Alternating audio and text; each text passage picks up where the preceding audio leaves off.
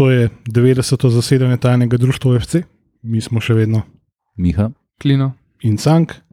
Luka te lepo pozdravljamo v Dalmacijo, zato imamo pa eminentnega gosta, uh, lahko rečemo, en od gonilnih sil MMC-ja, uh, gospoda, ki ima če številke, Slavko Jarič.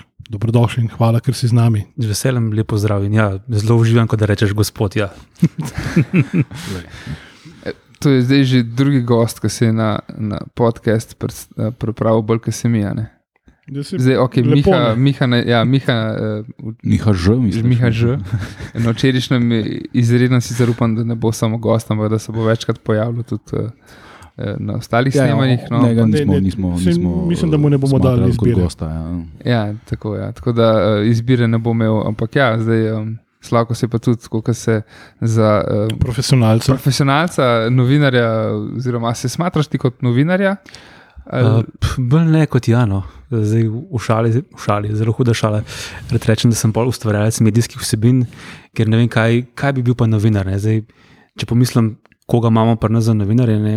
nekdo, ki želi neke spremembe v družbi, pa opozarja ne, na neke še ne, nepravilnosti. Ne.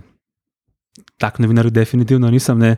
Uh, jaz sem novinarstvo bolj za igranje. Vem, zdaj se bo slišal, da je to omalaživoče samega sebe, ampak nek poligon za odkrivanje, pa igranje s številkami. Tako nekako. No. Ja, no se je zato, ker mogoče si tudi jaz eh, se tebe malo drugače predstavljam kot jaz, novinarja vidim kot unga, ki hodi s kamero okol, pa pač ja, to je čisto na neko ne slepo. Ampak um, zanimivo, no, definitivno pa, če ne drugega, si pa uh, imel veliko vpliv na medijsko, medijsko kako realnost uh, dan današnji s tem, uh, s tem svojim podcastom in s prispevki, ki so res, res na nivoju. No, No, hvala. Pa če se že navežem na Canka, ki so se dogovarjali za ta pogovor, imam pa tak nek uh, refleks ali pa zdaj pa toliko let izkušen, da sem pa rad čim bolj pripravljen na to, kar ne glede na to, kar počnemo, ali pa v medijih se pogovarjamo. Pa ne zato, da ne bi vedel, kaj povedati, ampak se mi zdi, da če pridem v drugi obliki, kot sem danes, recimo kot gost, potem ne vem, se rad pripravljam, saj neka tematika širša, pa to ni kritika, da ne boš narobe razumel. Uh, Taki smo, le, to, mislim, če se ti sprijazen z nami, le, je to, to je v redu. Ne, ker pa sem premišljal- kaj lahko jaz lahko povem v tem podkastu, ne, ki je pa pač prvenstveno še zmeraj namenjen dogajanju v nogometnem klubu Olimpija. In v resnici nimam velik, veliko stvari za povedati, zato sem pač prav malce brskal po spominu, uh, kaj vse je ta beseda Olimpija, kaj mi zbudi neke spomine. In zato je to bil pač razlog, zakaj sem se malo pripravil, da ne bom samo rekel živel, pa hvala za poslušanje.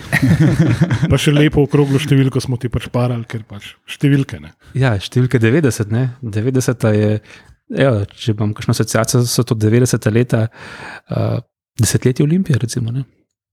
Vse prva polovica. Pa, pol, ja, pa smo šli na košarko. bolj Pa, ja. Desetletje Olimpije. Ja. Sam je, ja, to je res, sploh v tem novejšem spominu, ne, ker pač najdlje, kar moj spomin seže, ne, žal letnik 88, je pač 90 leta in takrat je bila Olimpija v bistvu res, ali š, v bistvu še vedno nek powerhouse, ne, na splošno in, in v hokeju, in v in, in košarki, in v nogometu, tudi v drugih panogah. Takrat je bil še šel v odbojki, Še odbojki, no vidiš, ja, tako da pa v um, rokometu ženskem. sploh to pogrešamo. Miha še zmeraj pamti mlado Irmo Kapičič. Uh, tako da ja, desetletje Olimpije se kar si že dobro, ja, 90. Če si rekel letnik 88, evo, če pobrskam po spominu tam nekje, recimo, so prvi taki zreli spomini na Olimpijo, ko se sam spominjam. In najbrž tako kot pri večini sklepam, da je družinskega porekla ali pa nek družinski vpliv. Ne. Moj oče, žal pokojni, je imel izredno rad. Uh, Ves šport, ki se je dogajal v Sloveniji, in ja, predstavljam se zdaj spet iz zgodovinskega spomina, ki ga nimam, da ko je bila še nekdanja Jugoslavija, da pač Olimpija bil the name, ki je združil marsikoga, ki recimo lokalno, če bi že takrat obstajala slovenska liga, se je obstajala, pač bi ne vijo za kakšen lokalen klub, ampak Sloven, uh, Olimpija je bila pač predstavnik. Ne. Jaz predstavljam si, da bi enako tudi. Se mi tudi nadušeno navijal, recimo za rekomentaše celja v 90-ih letih, pač nek identifikacijski moment in ja, nikoli ne bom pozabil. Evo, Čist prve, prve zgodbe, pač, ki je Olimpija igrala tisto, kaj je bilo leta 70 z Benfico. ne. Uh, ki ni bil ravno najnižji rezultat, pa je govoril oče. Mogoče nu, iziti v nič nič in ne mogo nujno na največ in ki nazaj prišel, je bilo Ne. tri, tri nič, ki da je vzel- je tri gole, recimo. Ta nek prvi spomin. Aha, to je bil verjetno bolj kakšen radijski prenos ali kako. Uh, mislim, ali so, ni bilo TV prenosa takrat, več ne vem. tega se ne spominjam. Mislim, ja, to, to, to tudi jaz ne vem. To zdaj Tega ne čisto- vem, vem čisto pa, Gibam, ja. pa v koncu 80-ih letih, ki so bile tiste slovite obstanek v prvi ligi. Ne? To pa mm. se Mhm. spomnim, da je bilo po radiju, to pa vem, Mhm. ko so reporterji kričali, recimo tak nek prvi, Ja, najstarejši spomin na Olimpijo. Ja, moj najstarejši spomin na Olimpijo, vse to smo, mislim, da čist, čisto v prvi epizodi obdelali, ampak je bilo pa šele Final Four v košarki. Ti si bil res to, da se res spomnim. Ki je bil kar šok, no, ker smo vale izgubili, smo pol finale, fakane. To, ja. Ja. Da je pa bilo to. hm. 97, ja, no, evo, takrat je bilo. Se spomnim, ker smo uh, kolektivno špricali pouk, da smo pričakali avtobus pred Halo Tivoline. Pa še nisem dobil vseh avtogramov, tako da miliče sem mogel pol pofajkati. ne, Ja, teh- ja, ta okej. prvi je šel, ne. pa tista zgodba je res ker tisti dvoboj na spadanje ne? in proti Ciboni in proti Stefanelu. Mislim, da so pač oboje prvo tekmo izgubili, ja. Ja. pa ena ena pa potem odločila zmaga, gostih res je bilo tako filansko. No? Filmsko, tako filmsko, da jaz nisem recimo upal gledati. Jaz Sem, eh, zadnje minute v Zagrebu sem preždel pod kotrom. Oh. Lej, ni, ni bilo variante za ti zgled, tako da sem pol v- šele v ponovitvi pač videl koš Stepanije in kar eno malo bogatstvo, ki se je usulo na igrišče takrat. Ne. E, Kovančko, Kovancev. vse. A so bile lire vsaj, ker to pa ni bilo veliko. Da so bile ku- kune, kune. A ja, Zagreb, se aha, Zagreb se igrali, ja, ja, ok, pa so bili kune. Ja. Takrat so imeli Hrvati še basket, ne, zdaj ga nimajo več. Ja, no, saj smo imeli tudi mi takrat basket. Zdaj imamo pa mi okay, dober, mi, štirikratnega hrvaškega prvaka. Ne. Ja, klubski basket, sem mislil, reprezentančnega še celo imamo. Ja, tako da zaenkrat. Ja, leta 88 vidim, da je tudi Damir Varabac prišel v Olimpijo. Da, evo, Tudi ena iz, ja. Ja, v roki držiš jo za poslušalce. Ja, se to- veli, velike to- to- stvari so se dogajale. hotel Kino se je navezati, rodil, ja. Damir Vravac je prišel. Tako je. Ja. Um, Prinesel si s sabo v bistvu bilten, no se lahko več ti poveš. Ja, v rokah držiš bilten od SCT Olimpije sezone 92-93, prej sem omenil očeta in ja, bil navijač Olimpije, kar lahko navijač iz nekega gorenskega kraja, ki več ni hodil redno na tekme, ampak je imel pa neke kolege, ki so redno hodili in vedel je oče, da imam rad statistiko, pa razne take statistične podatke. Ne, in že takrat je prinesel tale bilten, kjer so pač tako bolj faktografsko nanizani podatki, ki jih je zbral Andrej Stare takrat v klubu in Najbrž se sploh nisem zavedal, ne gotovo se nisem zavedal, zdaj šele, ko gledam za nazaj, da taki mehki detaljčki recimo, so vplivali na me, uh, da sem potem skozi leta postal nekdo, ki rad zbira številke, pa jih obrača. Uh, in z veseljem sem pred dvema dnevoma namenoma poiskal tale uh, zveščič in uh, mi obuja lepe spomine. No. Ja, No, mislim, To te je v bistvu do te mere determiniralo, da si šel tudi študirati v tej smeri. Ne? Študiral si matematiko. Ne? Ja, Ne? uh, to pa ne vem, če je bilo. Mislim, da se pač statistika in številke Ja, in tako naprej. Ja, to se še dobro spomnim, da sem bil v drugem razredu osnovne šole, da sem dobil neko fiktivno idejo, da ga bo malo večji, da bom šel pa študirati matematiko. Zdaj. oh, wow. Ja, wow. Ampak, ko gledam zdaj nazaj, vidim, da to ni bilo morda najbolj pametna odločitev, ker v resnici uh, daleč od tega, da bi bil nadarjen za matematiko, nisem preveč. Uh, mislim, ok, sem naredil ta bogi faks, nekako le, ampak gledaš tisti, ki so res nadarjeni. To, ne da jim je bilo lažje, ampak so veliko prej vse razumeli, pa potem razvili neke ideje, pa teorije, pa so lahko kakšen svoj doprinos pustili v tej matematiki. Jaz moram reči, da sem se kar mučil uh, s tem faksom, sem ga sicer naredil, ampak uh, morda. Ni bila najbolj pravilna odločitev, da sem se že kot tako majhen fiksiral. Uh, ja, imam pa reči številke, ne, se to nekako jasno. Ne? In potem, ko sem pa začel študirati matematiko, sem ugotovil, da na študiju matematike ni toliko mesta za številke, ampak bolj za razne pojme in povezava z raznimi sp- spremljivkami. Ja, je, ja. kar, je kar resen faks. No. Ampak eh, potem si se pa odločil še za en čist drugačen študij, ne, ki si ga pa tudi zaključil, psihologijo. Uh, ja, zdaj, če smo pri številkah, pa statistike, ne, je, je tako zanimiva trivija, vsaj za me, da sem se recimo v statistiki uh, morda več naučil na psihologiji, kot pa, kot pa na matematiki. kot prvo nismo imeli takih predmetov, vsaj takrat ni bilo, kot drugo je bilo pa zelo uh, koristno, ko si delal. Pri psihologiji si lahko delal razne raziskave, pa teme, in se samo si se lahko naučil delati svoje vprašalnike, pa da so uh, legitimni, oziroma da z njimi res nekaj meriš, kar hočeš zmerati, tako da tam je bilo v zadju kar nekaj matematike. Je pa recimo v zadju še zmeraj bil ta odnos do številk, pa do službe. Namreč jaz sem že pred 19 leti začel delati na MMC-ju, takrat je bil samo Teletex, no, honorarno. In ko sem končal študij matematike, sem si pa rekel, ja. Sem, sem še mlad, kaj, kaj šel pa zdaj že delati nekaj redno, ne, ne moreš še en faks narediti. Uh, Sicer sem faks naredil, sem pa tudi ostal na MMC, na MMC, tako da se nisem glih nekam, nekam daleč pre- premaknil. Ne. Ne, sem, v bistvu, tako kot si sam za sebe rekel, ne, ti si v bistvu, da bodo tudi milenici zdaj razumeli, ne, content creator. Ne. Eden, hoč, hočeš nočeš eden prvih, praktično pri nas, ne. tudi eh, kar se tiče teh športnih podcastov, ki priznam, da pri parih uh, so tako ganljive zgodbe bile, da če sem se vozil, ker je pač standardna oblika poslušanja podcasta, pri meni vse bila pred tole korono, Uh, sem se mogel kdaj prav ustaviti. ne vem, Jaz sem spomin zelo dober. ne. Saj, če, če deliš na Twitterju, se potem v koščku mojih možganov kar A, zapiše. Ja. In zdaj to, če imaš v mislih, je to bila epizoda o Petri Madič. Ja, ja. O, wow, imaš pa res dober spomin. ti se bila res ganljiva. In mislim, nasploh, ful mi je všeč, ko se pač predstavljajo te ljudje, ikone v bistvu slovenskega športa. Ne, z, en, z ene take druge perspektive, in uh, zato ti res iskrena hvala, no, ker to je res super stvar.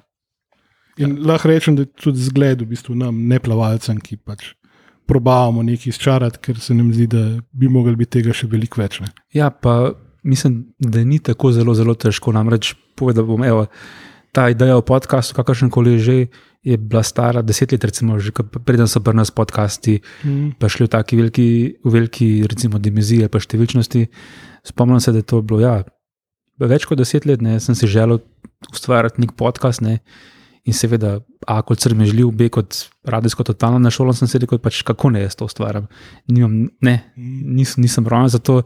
In potem sem dolg časa upal, pa ga kolega na radiju navadil, da so dva novača, da bi pa skupaj ustvarjali, ne, da bi si mogoče tako odprl vrata v podcaste. In ni šlo, ni šlo, ni šlo. Skratka, nismo se ujela v tej ideji, in pol, čez čas sem spet užival to idejo in videl, da v bistvu res ne rabiš v podkastu nekega hudega radijskega glasu, seveda, ni, najbrž ni slabo, ampak da pa nisi, ni pa treba. brez. Ni pa, odlični ste. Ni pa treba, da, da si šolan, tako da bi pač te oddaje se vrtele na val 202 ali kaj podobnega. Skratka, mislim, da je entuzijazem zelo, zelo pomemben. No. Absolutno. Leta 2015 eh, je ta podcast številke začel, začel laufati. ne, Se pravi, takrat, ko je stric Manda prišel. tako Da, da. Ja. o, kakšne prelomnice. Uh, ja, evo, pa še eno zanimivo zgodbo, recimo lahko povežem z enotnostjo. Pa z mojo z Olimpijo, ne, za neko, ki je veš spomin, seže v preteklost, pa na začetek pete lige. Ne. Ampak uh, naj povem, evo, poslušalcem se vi več ali manj veste, res nisem navijač Olimpije, nisem tudi navijač nobenega slovenskega kluba, pa ne zato, ker so se mi da ne bi hotel, da bi vem, novinarsko skrival Ne, uh, ker- nek ker svoj odnos. Splošna bolezen pri nas, nažalost, še vedno, ampak Ja, no to, evo, sem čisto en kratek obvoz v Anglijo, ker rad gremo v Anglijo, pa si, kaj gremo vsak teden. Parkrat v življenju sem bil v Angliji in ja, tist je bilo, že kot novinar sem bil, mi je bilo kar tak nek prijeten šok, ko sem videl, da tista eminentna novinarska imena, ki pogorijo angliško ligo, pač da so deklir, deklarirano navijači ali pa pripadniki ali pa simpatizerji nekega kluba in da to ne vpliva na njihovo delo. To je tak res uh, svež uh, pogled, ki te ne ovira pri tvojem delu, ampak že res pri, pri, pri pisanju knjige, ki sem jo napisal, sem gotov, da sem res velik navdušenec nad nekimi zgodbami, ne, ki jih kreirajo z- ali športniki, ali klubi, ali trenerji. Tako da zdaj si lahko pokrijete všes, ampak se je tudi zgodilo, kdaj v prvi ligi, da sem naslov privoščil Mariboru in Olimpiji, in zadnji dve leti, definitivno celju in Muri, ker se mi zdi, da so tu pozitivna zgleda, ali pa da ste pač izkoristili to žalostno situacijo v slovenskem nogometu. preslišali smo samo eno ime. no. Z ostalim se, po mojem, kar kolektivno strinjamo. ne. Ja. Glej. Pa da se vrnemo na začetek nove reinkarnirane olimpije. Ne. Res meni pa te nove zgodbe res so mi take Prisne. prisne. Ja. In uh, lahko povem, da največkrat, ko sem bil uh, na stadionu za Bežgradom, je bilo to v tisti sezoni, ko so igrali peto ligo, sem bil kar nekajkrat. In uh, zakaj se je povezala tudi takrat nek odnos do Olimpije? Uh, odlična spletna stran je imela uh, forum. Aha, legendarni forum. Ja. Legendarni forum, ne vem, kaj se je potem z njim zgodilo, ampak vem, da sem bil v tistem času bil precej aktiven in so bili takrat kar eh, taki famozni pred- prediction ligi. In ko je bila Olimpija v peti ligi, ja, lahko z veseljem in ponosno povem, da sem zmagal v tem prediction ligu. Opa, da se- Nagrada je bila verjetno tako, kot se za to olimpijsko stran spodobi uborna, oziroma če sploh. Čast in slava. Čast in slava. to je A, pa Ne, to, ne. fantastična je bila. In še zmeraj doma, lahko pošljem fotografijo. Uh, dres uh, Olimpije, podpisano z vsemi igralci, ki so, v peti, ki so Oh. igrali na zadnji tekmi. v relikviji. To je pa, Ja. to je pa e, le, le, a, čuveni broj jedan je res bil Uh, persona in pol. Ne. Mislim, da se je Zipo na zadnji tekmi angažiral, vse dobil dre, uh, podpise in Aha, moj brat. to je brat Zipo. Ja. Mm. Tako, tako. Če, ste še, če ste še brata, hecam se. Slaba, slaba šala. Eh, Skratka, res uh, ponosen lastnik tega dresa sem. Dobro, Ja, to je bila v bistvu uradna, neuradna stran. ali Kako? Ali Ja, ja, Večkrat uradna? uradna, večkrat neuradna, odvisno pač od vremena. In, Ja, Šolmajer je takrat hotel, da bi bili uradni, pa pa malo niso bili več. ali Ja, ne vem, verjetno zato, ker so imeli domeno, ne pika kom. Ne, mm, Tudi to je bilo verjetno. ne vem, razlog. če, če si drznem pač tako konkretno govoriti, ampak vem, da so bile kar bitke. No. Problem, je, problem je bil ta, da ta stran nikakor se ni hotla pač, uh, kako bi rekel. Upogant in uh, Ja, ja, broj, pač broj je pač kluba. Starpunks ne, in, In, in uh, anti-establishment. pač kritično pisanje je bilo vedno pač prisotno na tej strani, tudi jaz sem nekaj malega tam čačkal. Na forumu sem na začetku več ali manj bral, ker je bilo pač res zabrt. In to je tudi en, ne, vem, en od razlogov, ki je pač dodatno me še pahnilo to brezno, zeleno, bel, belo. Ne. Obstaja pa v bistvu, po mojem, ena tretja inkarnacija tega foruma še vedno. Ne. Ni več tako uh, barvito, ni več tako živo, ampak je pa še vedno. Um, zdaj, da ne bomo samo gibali, jaz mislim, da najbolj za to, uh, kako je bilo to s to spletno stranjo, da enkrat povabimo broja. a Ne? Smo ga že večkrat, pa se uspešno izogibali. No, tako da, dragi poslušal, poslušalci in tudi broj je meni obljubil, da pride. Tako da, Ja, lej, če slej ko vapi, prej. bojo čakali, to je Slej le, ko prej. smo obljubili. Ja, No, zdaj, če se pomislimo na 15 let nazaj, ne, recimo teh spletnih strani, pa forumov, recimo, da je bilo to na nekem začetku, ne, da ni bilo tega še tako veliko. Tudi pri naši spletni strani sem takrat čital forume, um, takrat sem bil še recimo aktiven na tem področju in branja in upisovanja upisov, eh, komentarjev in takrat res se mi je zdela nivo debate eh, na tem forumu res izrazito odstopajoča.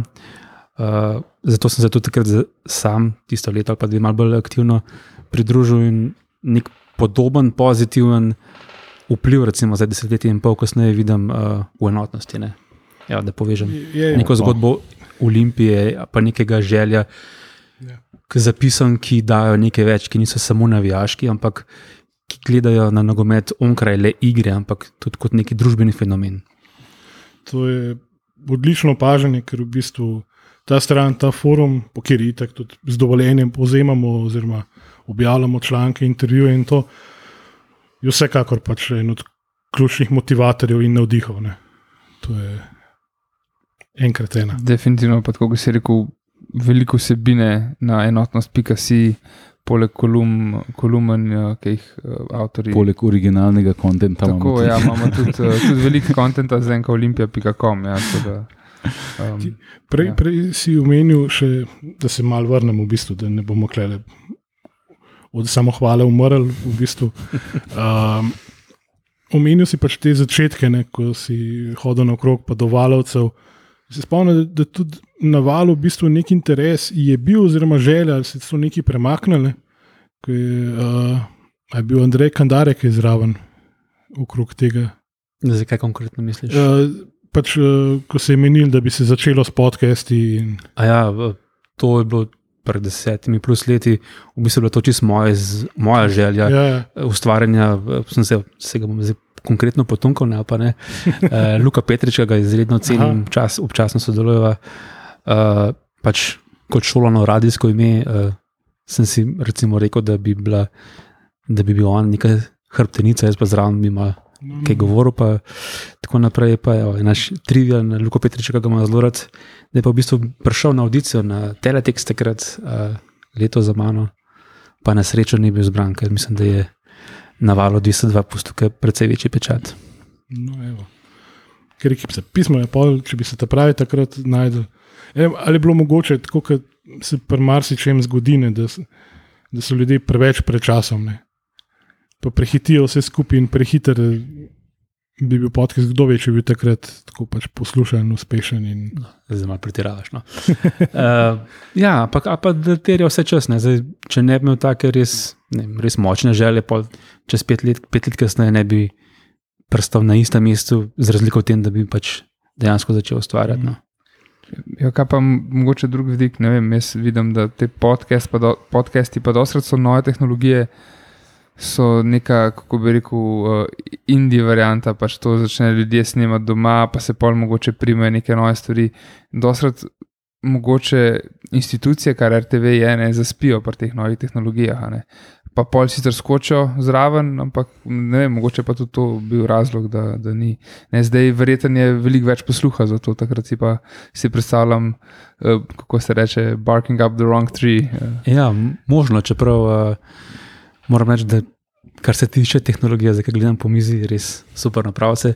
Uh, Okay. res nisem, nisem pretirano preveč, ne, kaj ne rečem, nadaren ali pa motiviran, ali pa da bi v tem res sam znal izrazito nekaj. Ne. Tako da na začetku sem imel res veliko sreče, uh, da sem lahko začel ustvarjati v radijskem studiu, ne na Val 202 oziroma na študijih Radia Slovenije, ker so pač ja, že tam izučeni mojstri za snemanje in za vse. Na začetku mi je bil ta vidik tehnični, precej olajšan, pa potem me je kolega izvala, da te pravornik naučil montirati. Tako da je potem trajalo recimo nekaj pol leta, da sem se preučil sam. Uh, kasneje pa seveda prisiljen tudi učenja teh samostojnih stvari, ko greš na teren. Ali pa vemo, zadnji dve leti, ko je bila korona, recimo, ko si mogel kar začeti, to, kar najbrž tudi vi veste, snemati od doma in nove improvizacije. In, uh, ampak ja, Še kako dobro vemo, in tudi sliši, sliši se je precej. Za kar se eh, znova lahko samo upravičimo. Ampak le, to je learning curve tudi za nas, definitivno. No, ampak ti si prej v, v našem neformalnem razgovoru eh, rekel, da je bil nekako tvoj prvi klub uh, naklo, živela naklo. ja ka, prihajam iz Gorenske, recimo iz Brnika, uh, rodno. Recimo, ja, logično je bilo, da ti vsak klub, ki ti je bliže, da za njega ne veš, ne mislim. Ali pa stiskaš pestine, živele naklo ja, z legendarnim Branetom Oblakom, pa potem, ko je k tem, ki je šel klub Cogruntne, najbližji možni klub, seveda Triglav Kran. Uh, ampak, ja, če tako pogledaš, v bistvu noben klub res nima neke hudega dolgoročnega uspeha, najbrž ima ta denar. Še le načrtov. ne. Ja, Ja, ne, ja. To, to, to smo se pa zanč z nekom pogovarjali, z bratom ali s kom, ne, da je pač problem in kranja in celotne gorenske, kar se futbola tiče, je pač, da ni te neke dolgoročne tradicije, da Triglav v bistvu nikoli ni zares neki blazno pomenil v slovenskem nogometu. In z tega vidika je recimo z, zelo zanimivo, da eh, cela gorenska v hokeju navija za jesenice, ampak te isti ljudje v futbalu navijajo za Olimpijo. Ne? ja. Da je ta neka. eh, To, to je nasplošno to je slovenski problem, ker je Olimpija kot v bistvu največja športna družina pri nas, kakorkoli obrnemo. Ne? Da je tako razbita, zelo tako slovenska družina, skrega nam je sabo, zelo se ni, ampak tako ti daje, da se dopušča to, lahko rečemo, v bistvu malo schizofrenijo, v bistvu športno. Ne? Da si ne, vem, v futbalu si za Maribor, v basketu za Olimpijo, v hokeju pa za jesenice in da je to. Sej, super, fajn. Ampak. To zdaj je ozorano predinu govori. Lej, kdo bi se zihar najdel tam? ne? Eh, Ne, ampak eh, to sem hotel vprašati, če si slučajno uh, se spomniš. Olimpija je prvič gostovala v Naklem, enkrat jesen 91, tam, tam avgust, september. In je bil res nabito poln, pač mini, mini stadionček. Ne? In je Naklo takrat kot prvi slovenski klub premagalo Olimpijo. A res, ne, pa super 2:1, trivia, ja. nisem Ja. vedel. A, ne, ne. Majhen sem bil, ampak uh, sem pa vedno rad poslušal še takrat nedeljska popoldneva na valu 202, pa potem ponedeljkove vse te lestvice, pa postave čital. Uh, super trivija. Ko so se javljali. Ne? In zdaj imamo, kol je padel v Ajdovščini, javlja Ja. ja. se. Čeprav je bila že takrat ena znamenita špica. Gol, gol. Ampak no. zanimivo, je, recimo, kako je padel recimo, status nogometa skozi ravno skozi ta primer. Če se jaz spomnim, pa najprej sem že malo pozabil, ampak okay, takrat je bilo na začetku prve leta, je bilo tudi več ekip v prvi ligi, kakorkoli se je že imenovala, uh, več tekem je bilo s tem, ampak mislim, da je bilo totalno skozi oglašanje. Ne? Ko je gol padel, smo skočili na drugo tekmo. Potem, ko je recimo, kaj se, kaj se je zgodilo s statusom nogometa, recimo v tej oddaji, recimo, več ali manj potem so bila oglašanja še sam po koncu polčasa. Recimo, ne. pa recimo mediji res zelo veliko pokriva nogomet. Ne. Ampak ni bilo več tistih oglašanj, Tončka, Gidera iz Murske sobote, ne vem, kaj vse, še kar mi še zdaj vse v glavi odzvanja. E, Zdaj, ko smo bili pri radiju, ena taka, en bizaren podatek. Ko je šla Olimpija leta 2001 um, v Baku, ko je igrala s Šafo, ne, takrat eh, pač neko predkolo UEFA Kupa. eh, Je šlo pač na pot eh, vso osebje, igravci, trenerji, trala in dva novinarja. In to sta bila dva radijska novinarja. ne. Se Pravi, leta 2001 je bil očitno radio še nogometno tok uh, relevanten medij, da je Olimpija pač dvema radijskima novinarjema plačala pot v Baku in nazaj. Ne. Ker danes, je, recimo, če bi danes ne jemljajo radijskih novinarjev, glih sabo, ne jemljajo ne vem, spletne novinarje, tele, televizijske, kakršne koli, sam ne pa radio, pa nekako ni več, se mi zdi, na ta način uh, percepiran. Ne. Čeprav nekateri romantiki še vedno, ne vem, saj berem po družbenih omrežjih, da radi uh, si prižgejo televizor, ugasnejo zvok, pa poslušajo te prenose. Ne. Čeprav problem pri teh, recimo, konkretno pri Valu 202 je pač, da ni vedno le športni program, da mora potem kombinirati to druge zadeve, pa druge športe, pa druge oddaje. Potem ne moreš zagotoviti konstantnega prenosa, da bi se lahko to prvoščil, ampak eh, ne vem, jaz kot star nost, nostalgik vseglih imam te stare spomine, nek moč radija glasu. Ne. Se ne nazadnje tudi danes mi počnemo. Ne. Neka moč, recimo, le vendarle je, ne. čeprav ni pa isto, sploh Ja. danes, ko so te eh, tehnologije. Pa pogledaš na telefon, pa že vidiš izid, pa ne vem kaj. Ampak ja, To pa, pa še eno trivijo sem najdel, ne, ki kaže na to, kako je bila močna včasih Slovenska liga. Ne. Včasih so recimo novinari, novinari uh, z letalom hodili na tekme po Sloveniji, ne, Sandi Škvarč. Recimo, berem intervju lokalne Ajdovščine. Z ne. jadralnim. ali? Ne, ne, on je šel pač takrat, uh, leta, od leta 80 je Sandy pa je um, uh, letalec in ker je mogel narediti uh, z- z- za licenco, je mogel nabrati daljše potlete in je šel um, iz, uh, iz Ajdovščine v Mursko z letalom. Veš, tako da takrat so novinarji z letalom leteli na tekme, zdaj pa komi, da sploh grejo tja. Ne? A vidiš? Poma- Pa ga imajo pa v zobeh eni, pa ne spoštujejo. Pismeno, grozen. da.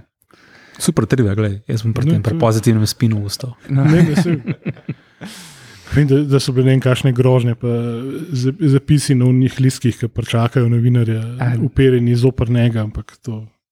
Ma, To, točno, točno ne vemo. Pač tist, po, ponovadi je tako, da tisti, ki se spravlja na novinarja, točno ve, zakaj se spravlja, ker ima pač neko maslo na glavi. a Ne? Ja, Ponovadi je tako, no, tako da, po moje. Da ne bomo odkrili kakšnih nogometnih Panama Papersov. Ja, Vredno. no, se je. Zdaj, eh, jaz sem tle, ko sem pač um, malo pogledal vsi um, tvoje dosežke in tako sem opazil tudi, da to, me, to, to je šlo čist mimo mene in moram priznati, da, da nisem opazil, ampak je leta 2020 je nek tvoj članek o Lindsay Von, smučarski, eh, smučarki ameriški, pač bil pač opažen, uh, kaj, to je bilo prevedeno v angleščino ali v kakšnem, ker je bil pač izbran za uh, top 10 uh, od mednarodnih športnih novinarjev za članek. ne. Ja, na naši spletni strani tudi pišem kolumne, uh, mednarodno društvo športnih novinarjev, potem so se tretje, četrto leto zapored uh, uh, izbira več, v več različnih kategorijah najboljše dosežke in ja, v uredništvu so predlagali najprej v slovenščini tale članek. Uh, Oziroma, razmišljanje o Lindsay Von, ki ga je, če že mi ne še angliški prevod, pa da se spet vrnem na mojega dobrega prijatelja Luko Petriča, kot odličen uh, govorec tega jezika, ga je prevedel ta jezik. Uh, ja, in med več kot 300 kolumnami in pač bil zbran med top 10. Wow, wow. Viš, kakšne goste imamo mi, ne? Mislim, to so stvari, ki bi jih mogli na velik zvon obešati. bela Zelo cesta. pomembno je, ja. Ja. v navednicah, da ne bo kdo mislil, da je to res. Ne, pač takim zadevam je treba posvečati pozornost. Ne, pa, Sploh eh, nekdo, ki ima rad nogomet in se potem posmehuje alpskemu smučanju, hecan se. hecan se. ne, ne, lej, ne meni, meni, meni je zdi samo pač ta, to favoriziranje strani nekaterih, ne, uh, rečemo odločevalcev, ki so pač uh, na poziciji, s katere pač lahko odločajo o teh zadevah. Ne, in se ruši pač neka naravna hierarhija. Jaz obožujem v bistvu vse športe, sem ene mal manj. Ne. Rokomet, recimo. Dobro, tisti je samo pač problem, da je tako nedefiniran, pa da so tako ohlapna pravila, pa da lahko Rutenka igra za kok sedem reprezentantne. To so take zadeve, ki ti pač jezijo malo, ampak ne, smučanje je super fajn, vsak dosega izjemne rezultate, je ala mu in ni vera.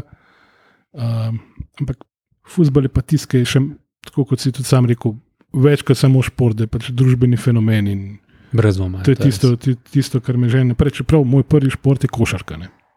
To, od tega pa tudi ne bežim. No. Am, ampak pazi, zdaj zaradi Miha smo, bomo ostali brez kart za futbal, ker nas nobeno več spustil. Zaradi tebe zdaj še na planico nam mogo. No, thanks. Jaz sem bil enkrat in je bilo dovolj. Jaz sem bil parkrat, pa uživam, zelo rad smučam. Ne, uh, Planica je tudi super fenomen, ampak tistega doživetja, ko pač nepregledna truma pač ljudi čaka na tiste en avtobus, da se prepele okolne. Ko so mene pri mojemu metru 92 pa 120 kilah predstavljali tam, da sem ne, en, en osnovnošolc. Pa to je bilo za 10 metrov v eno ali pa drugo stran, odvisno kako je Oh, avtobus ja. parkiral. Tistega res ne bi več podoživljal. ne. Drugače pa super. Če bi bila tam proga, Kranjska gora, planica, bi bil vsak let tam. No. Da si prišel do mojega pet piva, javni prevoz. Oh, ok, ne bomo, gremo zdaj na kaj drugega. Ja, recimo, ko smo bili pri tvojem pisanju. Ne, um, zelo pred kratkim je šla tvoja knjiga Čista desetka, ki govori o zadnjem desetletju slovenskega športa. Ne. Zdaj jaz sem zelo zgrožen, da je not tudi Maribor ne? in Matjaš Kek, Gurjeki, ampak ok, to, to je moj problem. A zato so ti tam neke strni strgane. Ne, saj To, to je moj izvod. ne- Eh, Tako da, kdaj, kdaj si to začel pisati, recimo, kdaj, ali pa ideja, ideja je bila že verjetno kar Mislim, stara, mm. ali, ali, ali te je tako nenadoma prešinilo. Nenadoma, pa recimo lahko povem, da je recimo to praseme bilo Mhm. posejano. Ne. 2010 uh, sem za- na spletni strani začel z rubriko, ki nisem vedel, da bo postala rubrika 100 športnih dogodkov leta, uh, potem pa 2011-2012, ker imam rad tradicije in ponavljanje, ne, zelo izvirno. Uh, sem to vsako leto nadaljeval, potem pa recimo leta 17-18 sem se zavedal, da desetletja bo kmalo konec. In sem že takrat ne, premišljal, kako bi to zapakiral. A bi napisal 100 člankov zdaj z MMC, kaj bi s tem naredil. In pa ko sem gotovo, da tega gradiva bo pa res že precej, ne, da bi bilo lahko vredno neke svoje knjige. No. In tako se je potem ta ideja uh, začela, sem šel na prvo založbo. Prva založba mladinska knjiga rekla: Ja, in evo, v, rok, v roki imate, kroži ta knjiga. Ampak eh, to so, pravi, to so uh, bili že napisani teksti. Ne. Si jih na, pač ekskluzivno za knjigo si napisal, ali si predelal uh, stare tekste? Ne, noben tekst ni, ki bi bil že objavljen. Namreč v teh pregledih so bili več ali manj res dobesedno faktografski. Bil en stavek, recimo Peter Prevc, svoj veliki kristalni globus. uh, Ilka Štuhac obrnila na svetovne prvakinje, da sem zdaj čim bolj pester v različnih športnih, športnih panogah. Skratka, ni bilo v zadju zgodbe, samo neki dogodki, za katere smo vsi vedeli, da so se recimo tisto leto zgodili. Uh, za to knjigo sem pa potem nare- poskušal narediti neko sintezo. Uh, pa da nisem šel samo v osnovi na te najbolj odmevne dogodke, pa te največje slovenske junake. Uh, teh zgodb je deset, sem potem naredil skupaj pet sklopov po deset zgodb, in ja, srednji, srednja deseterica je nogometna, ker se mi zdi, že prej smo govorili o pomenu nogometa. Ne, se mi zdi, da ta nogomet, čeprav je recimo v Sloveniji vsaj ta hip ni na neki najvišji ravni, ne, uh, se mi je zdelo pomembno in nujno, da je del te knjige. In potem tudi ta nogometna deseterica sem razdelil na slovenske in tuje dogodke. In potem, ko sem videl, kateri so, recimo, pa ko sem izbral teh slovensko peterico nogometno, na hiter pogled, ne se mi zdi, sem pripričan, sem, da boste tudi za vi štiri od pet rekli, da je v tem desetletju pa vendarle nekaj pomenilo. Ne? Ne vem, če Ferin ne bo vsak let, slovenec ne bo vsak let, uh, desetletje predsednik UEFA, vrtar kot je Jan Oblak, se tudi ne zgodi vsako leto. Ne? In podobno. Ne? Ja, ne, ne, sej, mislim, jaz, jaz se hecam. ne. Tle, Vem. zdaj pač eh, to v tem desetletju, kar se futbola tiče, eh, našega konkretno je pač to, da je Maribor igral Ligo prvakov, bolj ali manj maksimum, ker reprezentanta ni nič dosegla. Ne. No, prosim, maksimum je naša kanta po 21 letih. No, pa če pogledamo, recimo, samo, če, če lahko skočim besedo, recimo ena granja v Ligi prvakov, ne, pa ne da bi zdaj Mm. poniževal, pa da je to, ta dogodek sam po sebi ni veliko vrednega, ne še vedno se lahko zgodi igra na ključi enkrat na toliko časa. Ne, zdaj pa če Maribor konkretno je igral petkrat v tem desetletju v skupinskem delu evropskih tekmovanj, to pa ni več na, na ključi. Seveda, seveda. Ne. To je pa po- produkt načrtnega dela, pa pač tega, da je bil Zahovič pravi človek na pravem mestu. Ja. ne. To je, to je v bistvu res velika zgodba, kar se slovenskega športa tiče. Ne. Ker pač nažalost naša reprezentanca ti, ti ni dala noben, glih 20 je pač bil ja. Ja. zadnji ta vrhunc. Čeprav sem, smo jih pri Zahoviču, ne, je oseba, ki je zelo polarizi, ki polarizira. No. Uh, ampak se mi zdi, ne, ne, kako vi gledate, kot recimo navijači tega kluba, se mi zdi, da s svojimi velikrat preveč spornimi izjavami, tudi žaljivimi, ne. ampak je pa se mi zdi, da je vnesel nek zanimanje širše javnosti, da je prebudil neko zanimanje za ta produkt, ki se sliši na mi je prva liga. Ne Mm. da prevečkrat je šel recimo tudi čez neko mejo etičnosti ali pa fair playa, je pa se mi zdi, da v širši publiki pa je nekako vsaj deloma spudil zanimanje za nogomet. Ja, jaz mislim, da on ima tako, um, sploh ko se ga gleda, um, uh, skozi, pač, ko živiš medtem, ko se to dogaja, uh, se zdi, ja, tako kot si rekel, um, da je pač. Um, Ne vem, razdvoji, pa da je mogoče preveč vulgaren, preveč ne, ne pač tako ekstremen, a ne? ampak da se ga bo njega definitivno, kljub temu, da mogoče si marsikdo noče priznati, mogoče bo še ugasnil podcast zdaj, ampak on je definitivno en boljših slovenskih nogometašov uh, v zgodovini in, in pač veliko je tudi naredil za nogomet. Kljub Južni Koreji, kljub vsemu, kljub temu, da je bil športni rektor pač največjega rivala. Um, Ja, se ga bo sploh z zgodovinsko distanco se bo gledal definitivno na njega in na njegovo obdobje kot športnega direktorja, kot ko, wow, bravo. Pač, ne. Tudi bi jo pač v tujini od, bli, od blizu videl delovanje tujih klubov. Zdaj, če se ne motim, mogoče se motim, da je bil navijač Manchester United, da je spoznal recimo, tudi neke metode. Dela recimo Aleksa Fergusona v smislu, da gledaš na nasprotnika, včasih, kako, da s gršimi besedami o svojih tekmicah znaš motivirati svoje soigralce. Uh, tudi, recimo, kar je znal kasneje delati Jose Mourinho, da je, ta, da je v teh pristopih videl nek prijem ali pa pot, kako motivirati in igralce, in širši, vem, okoliš kluba, kraja, kjer deluješ. Do neke mere, ja, čeprav jaz tle imam mal drugačen pogled. Jaz mislim, da, da to ni bilo tako blazno reflektirano, kot bi mogoče nekateri radi videli. Ne, nek, da je on nek mastermind, ki je pač in, eh, recimo temu. Zavestno te stvari počel. Jaz mislim, da je bila to bolj stvar navdiha, bolj stvar tega, da je on tak karakter, kot je, in bolj stvar, da pač v unem trenutku je pač uh, mogoče malo preveč spil ali pa malo premalo spil. da, No, čak, to, ko je preveč, se je točno videl. Ne, in, in da, da gledal v bistvu bolj za, za zelo spontane zadeve. Ne, ker je, pa, da je pa pač izredno karizmatičen človek, ki, ki si je pač to lahko prvošil. Ne. Recimo v, v eni Britaniji, če bi nekomu omenil smrt fotra na, na tiskovni konferenci, ne, Ja. te, te nikoli več ne bi bilo v medijih. Tistega momenta te nikoli več ne bi bilo v medijih, razen v negativnem kontekstu. Le, Ne. da zaključimo mogoče počasi to temo. Ko sem bil na Jadranju v Grčiji, um, pa pač ker smo podcast Olimpija, ne, je tako en pristopil do nas, tako, o, Slovenija, Zlatko Zahovič, he very good football per- player, but he no good in head. Aj, to, je bila ona zelo kratka epizoda po Olimpijaku, so njegova. Ne? Tako je, ja. da nikjer se ni um, dobro končal z Anglijo. No, ampak Definitivno, če gremo pa izven in Maribor in Olimpijane, za naš nogomet klubski bi bilo dobro, da te neke osebe, ki so v tujini naredile malo več kot nekih epizodnih vlog, da bi se vrnile v naš klubski nogomet in postavili neke, nek pozitiven vpliv. Ne. Ja, no, eh, prej sem že Ja. gledal, eh, recimo, tale bilten, ne, ki si ga um, prenesel. Klem je zanimivo, koliko je v bistvu eh, enih igralcev, oziroma enih eh, ljudi, ki so bili v letu v sezoni 92-93 po Olimpiji, še zmeraj pač neki pomen v slovenskem nogometu, oziroma je pomenil. Ne. Konec koncev, nasplošno, no, tudi Andrej Stare, ja, pač kot novinar je tudi s- svoje dodal, uh, Kleson in Danilo Popivodo so bili, pač jaz to gledam tako res pač z, z precej distance, ker se ne spomnim seveda tega, ampak ja, ko vidim, da je bil noter Semeunovič, pa Pejkovič, a ne, um, pa, pa Agron Šalja. Tako pač ljudje, ki, ki so, sploh ok, Šalja, Nenad Protega je imel odlično epizodo v, um, kot športni direktor, ne v, um, Eh, Domžala. v Domžalah, ne, ja, ok, pa nas je tudi bil kasneje, ampak bolj uspešen od tista. ne.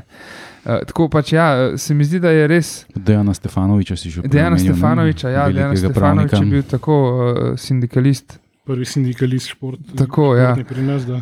Um, tako da, ja, no, klej je bil še veliki Zoran Ubavič zraven, žal ga ni več med nami, ampak Dejan Džuranovič je tudi en, ki je bil v Olimpiji takrat.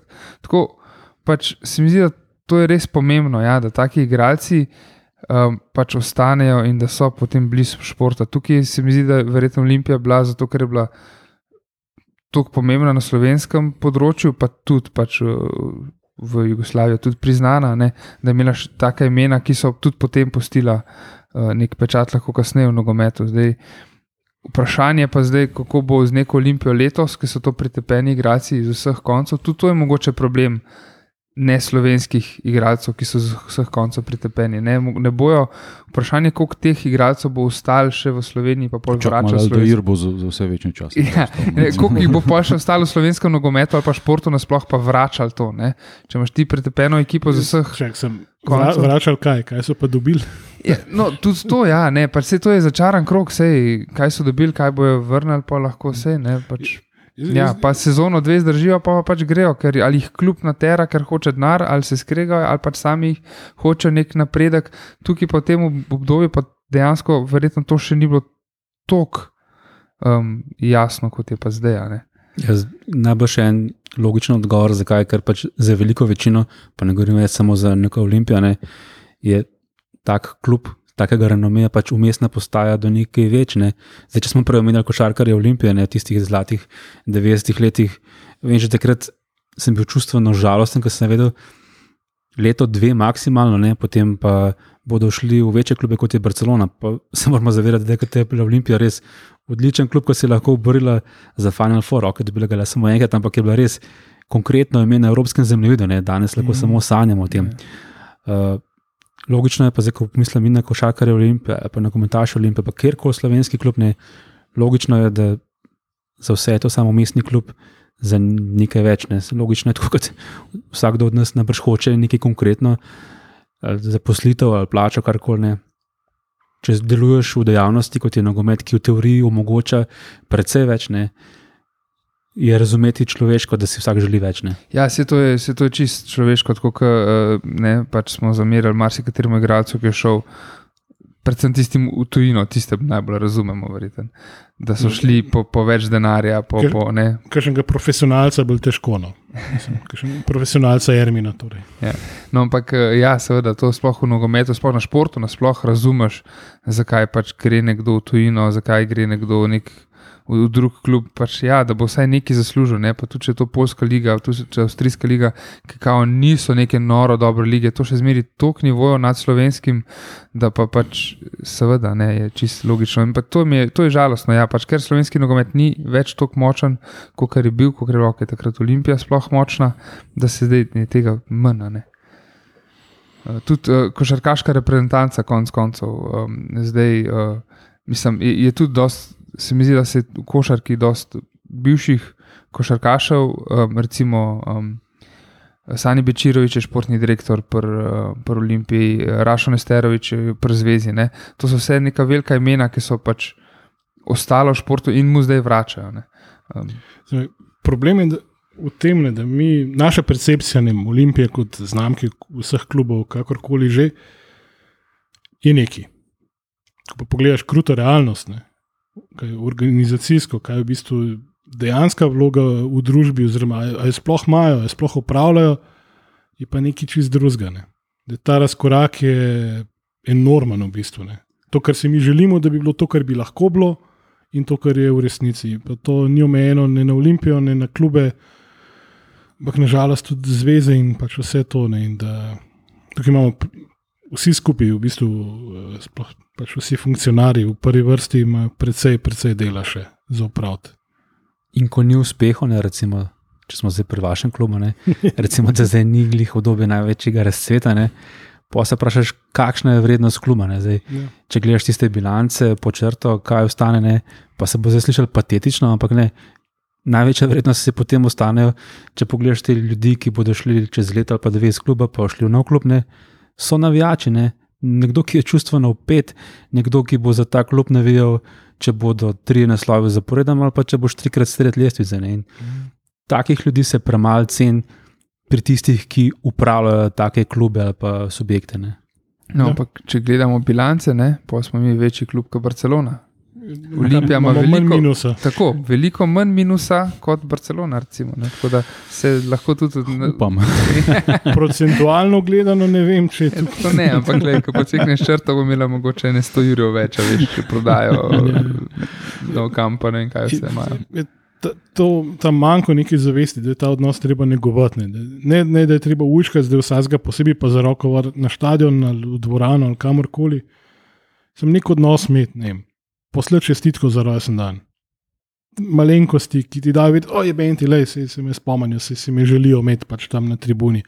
Vem, to, da, ko prideš nekam, da dve uri pretekmo, da se imaš kaj za osest, da lahko kaj, kaj spiješ, kaj poješ, da da se lahko družijo z ljudmi, ker to smo ugotavljali tudi, da je srž vsega, ni tisti 90 minut tekme ali 4 četrtine po 10 minut ali kakorkoli, ali pa, ali pa 3 tretjine po 20. Ne. Ampak enostavno prvi druženje. Tek, drugi tek. ja, tudi to. Tudi to. Ko, če lahko vse tri vprašam, recimo, kot ne več tega kluba, kako pa gledate na to večno floskulo, o navijačih iz prestolnice, da gre to za razvajanje ljudi, uspeha, predvsem. Ne? Gotovo ste to slišali. Ja, ja, ja, to, to, to, to, je na, ja. to je najbolj u, u, pogosto uporabljena fraza v, v, v, tem, v tem, zakaj kao ni. No, se, kako vi to gledate na to? Uh, ja, jaz uh, pač. En del prebivalcev Ljubljana je, je pač res pride na tekmo, pa ne bo to košarka, hokej ali pa futbol ali karkoli, samo ko se, dogaja, ko se dogaja nekaj velikega. Ne? Ker je pač. Uh, uh, ampak jaz mislim, da je to vse slovenski fenomen. Ne? Jaz mislim, da je v Mariboru isto. Jaz mislim, da je v Murski soboti isto, jaz mislim, da je v Kopru isto. Ne? Samo da je pač Ljubljana toliko večja in ima tudi stadion toliko večji in ta klub se percepira kot velik, ne, in, in potem je pač problem, ko imaš ti tisoč gledalcev na unem stadionu za 16 tisoč ljudi ne, in to res zgleda bogo in prazno, medtem ko v Murski soboti pa tisoč gledalcev že zgleda solidno. Uh, glede fanatizma, ne, je pa, mislim, da imajo vsi klubi, Olimpija, Maribor, Mura, Koper, pač en. En, eno jedro takih norcev, kot smo recimo mi, pa tudi še veliko večjih norcev, ki so res absolutno na vsaki tekmi, na, na vsakem dogodku, uh, ki so bili tudi na vseh tekmah, ko ni bilo dovoljeno gledalcev. Je... To je šalo to taco tu. Ne? ja, ne, da, mislim, v, v te, Olimpija ima v bistvu. Uh, Vse vrste teh navijačev, od unih, ki pridejo enkrat na let, ko je nekaj zanimivega se dogaja, ali je to derbi ali je to Evropa, do takih, ki pridejo na vsako prijateljsko tekmo v, v Jami, recimo, ampak hodijo še mladince gledati. Ne? E, e, s tem, da pač e, normalno, da je teh najbolj hardcore, predvsem manj kot tistih, ki pol napolnijo stadion, ko je nek, nek velik dogodek. Jaz, kot zunanji opozovalec Olimpije, recimo ta fenomen, ki se govori, se mi zdi, da bi ta največji boom ali pa neka ta injekcija, taka, recimo prihod Roberta Prosenečega, ne? da to je res nek dogodek ki je šel precej čez to ligo, neko sposobnost, pa neke naravne zakonitosti. Takrat se je res veliko ljudi prišlo, pa se je dogajala neka zgodba. Ne? Ja, tisti je bil, tisti noben ni mogel govoriti, da, da žuti bo dejansko obleko drezali. Še Rijera je vplival na obisku zavrča, kaj ne, prosinečki v Ljubljani. Okay. Okay. Ja, ne se, te lahko prekinem. Ali- povej. Ja. Um, pač se strinjam z Miho, ja, da definitivno um, je posod tako, pač in v Olimpiji, in v Mariboru, in v Murski, tudi v Kopru. Če so neki uspehi, a ne pač so tako gledalci, edina razlika je, da v Kopru pač ni uspehov. no, ampak um, je pa tudi to, da, da se pozna pač delo na dolgi rok. ne. Če, se, če, če je na dolgi rok, če so pač navijači pridejo z uspehi. In več, ko bo uspehov, več bo teh navijačev tudi ustali, pač kasneje, ko ne bo uspehov. Ne? Ja, en V lep teoriji. v teoriji, mislim, ok, se spet primerjam jabolka pa hruške, ampak pač recimo Liverpool ima ogromno navijačev, ja, spet ja. Ampak v tujini, uh, pač po celem svetu, tudi zato, ker je pač v preteklosti si naredil, vse zadnjih 10, pa tudi 20 let, se ni bil tako uspešen klub spet. Ne? Um, tako da tudi eh, recimo se je poznali, da, da, da ljudje hočejo nogomet, to tudi zmerno znova ponavljamo, ko je Milan prišel, Mandarič. In, in je bila neka pozitivna energija, in to je bil val, ki bi ga pač z lahkoto zajahali, in pač bi imeli Tam bi mogli biti pripravljeni. tako, to, mogli biti pripravljeni in mogli bi biti organiziran klub. Ja, Pa se Um, vsaj prav obrnil v trenutku, ko je bil ta pravi čas. Ja, in, in tukaj je bila ena priložnost, da bi na tem gradili, pa tudi če ne bi bili vsak let prvaki, se nismo bili. ja. um, ampak pač.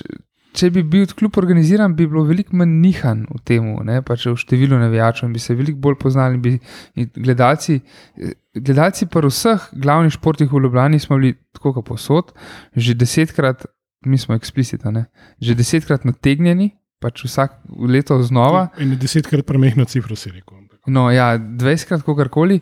Pač je bilo neki, o, neka fina zgodba, o, super, zdaj nam gre pa dobro. In Pa se naslednje leto vse poruši. In spet dobro, in se spet poruši. Ne? In zdaj uh, hokejska olimpija zadnja leta dela zelo dobro, počasno napreduje, tukaj je spet neka šansa, da se nekaj dobrega zgradi. Letos bo ta um, avstrijsko odprto prvenstvo. Ne? Ja, ne vem, a a je še prepovedana stavnica liga ali ni več. ali? Um, ne vem, mislim, da je sponzor isti, ampak da je Ice Hockey League. Ne, ne, ne vem, kako okay. je že. Ja, Glavno bivši Ebel. No. bivša je bolj. Ja. Mislim, da vse v glavi ta Evel še je. ja, tako je. Ja. Pa Tako- odprto streho v Salzburgu. Ne.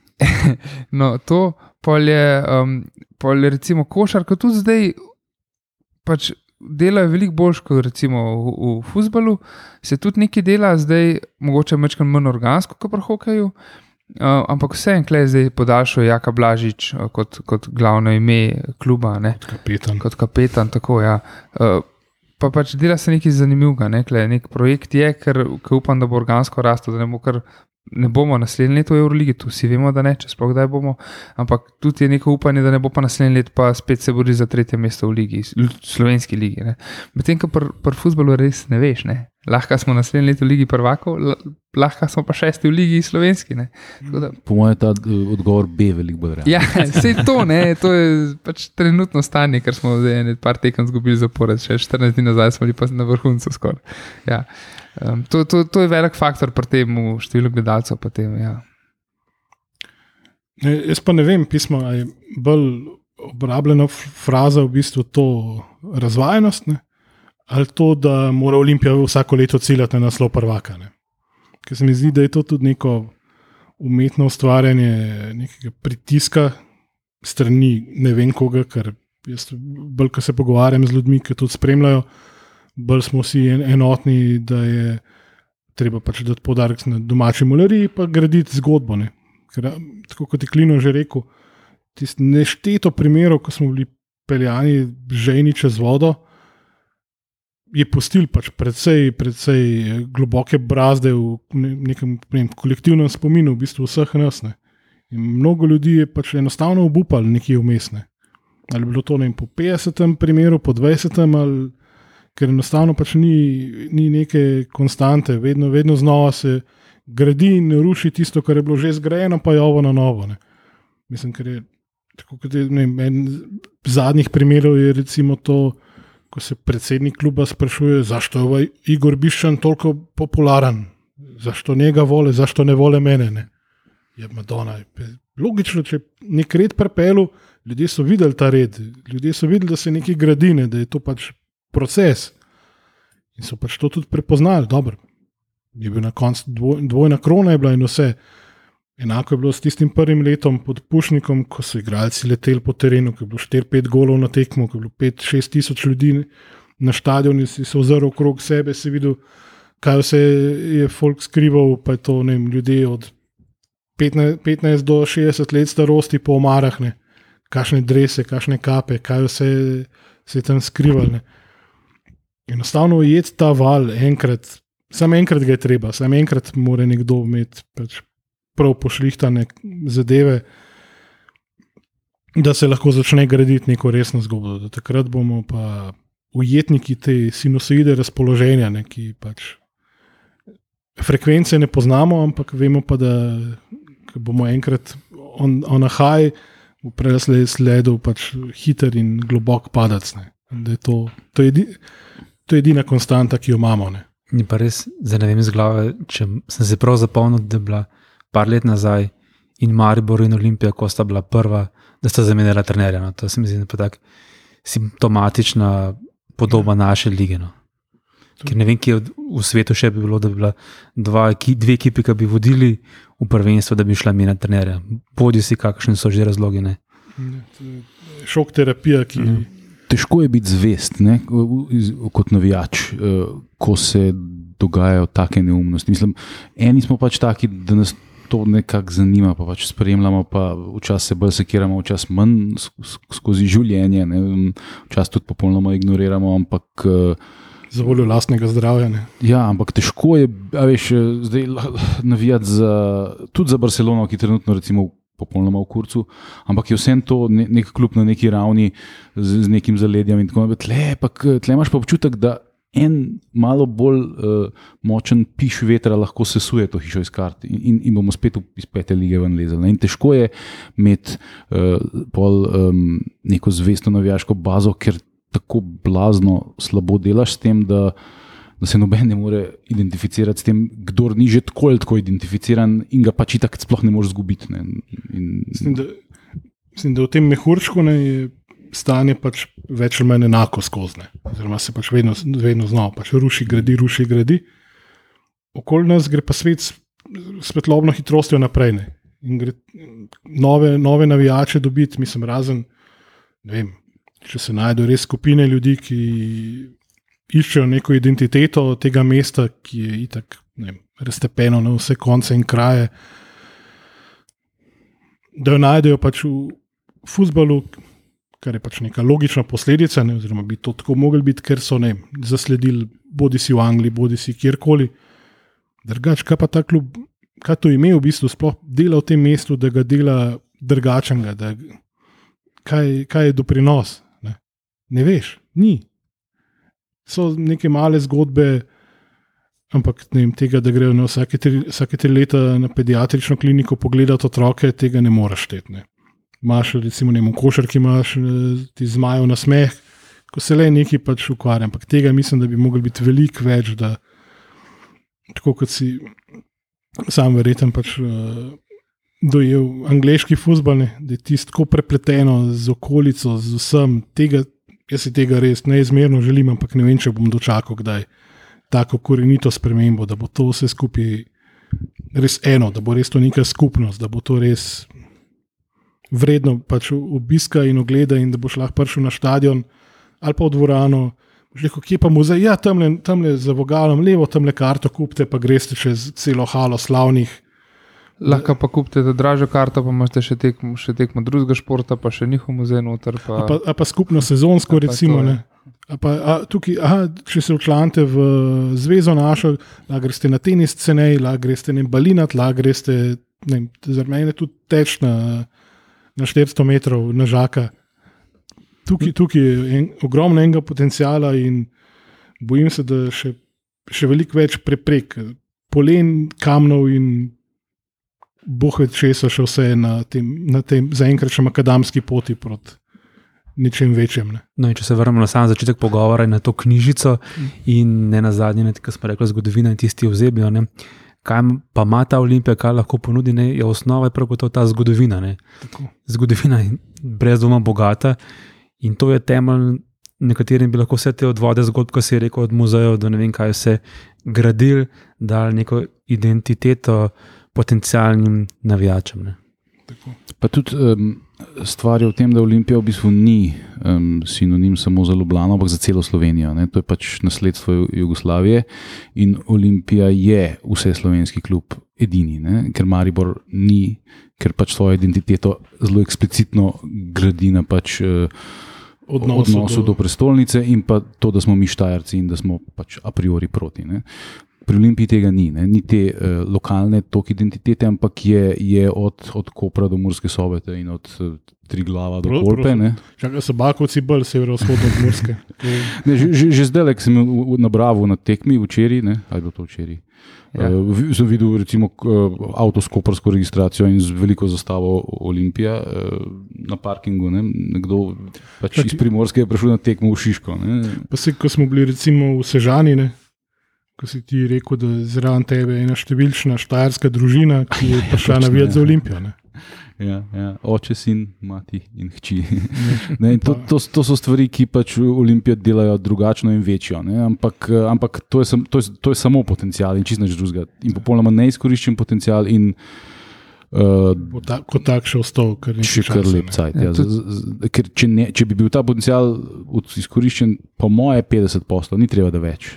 Uh, bi bila Olimpija večni prvak slovenske lige, ne, z vsem tem potencialom, z vsem tem zaledjem, ki ga ima in z denarjem, ki ga lahko generira tle v, v prestolnici. Ne. Si- Ampak pač. Smo dali ljudem nekaj upremljivega, da jim Ja. zgodbo, v katero lahko verjamem več kot tri mesece v kosu in si naredil že veliko dela. Ne. To, koliko Olimpija pomeni, že samo na področju Stare Juge, eh, na območju Stare Juge, je, je to, da, da so slovenski futbaleri, kadar niso skijaši, so zmajčeki.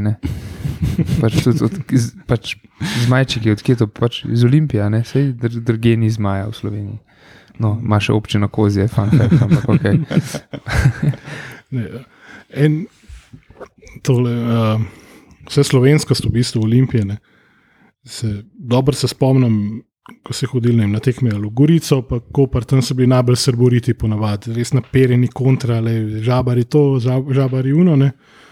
Pa ko se strasti malo umirijo po prvih 15 minutah, ne, pa vidiš, ne vem, čičati, ki so zraven. Ne, in v Gorici so se pač znali hitro spomniti na čase Jugolige, ne, vsake 14 dni na vlaku Ljubljano, malo lumparije zganjati, pa na fusbal, ne, pa pol nazaj, vsi prepiti, prekrokani.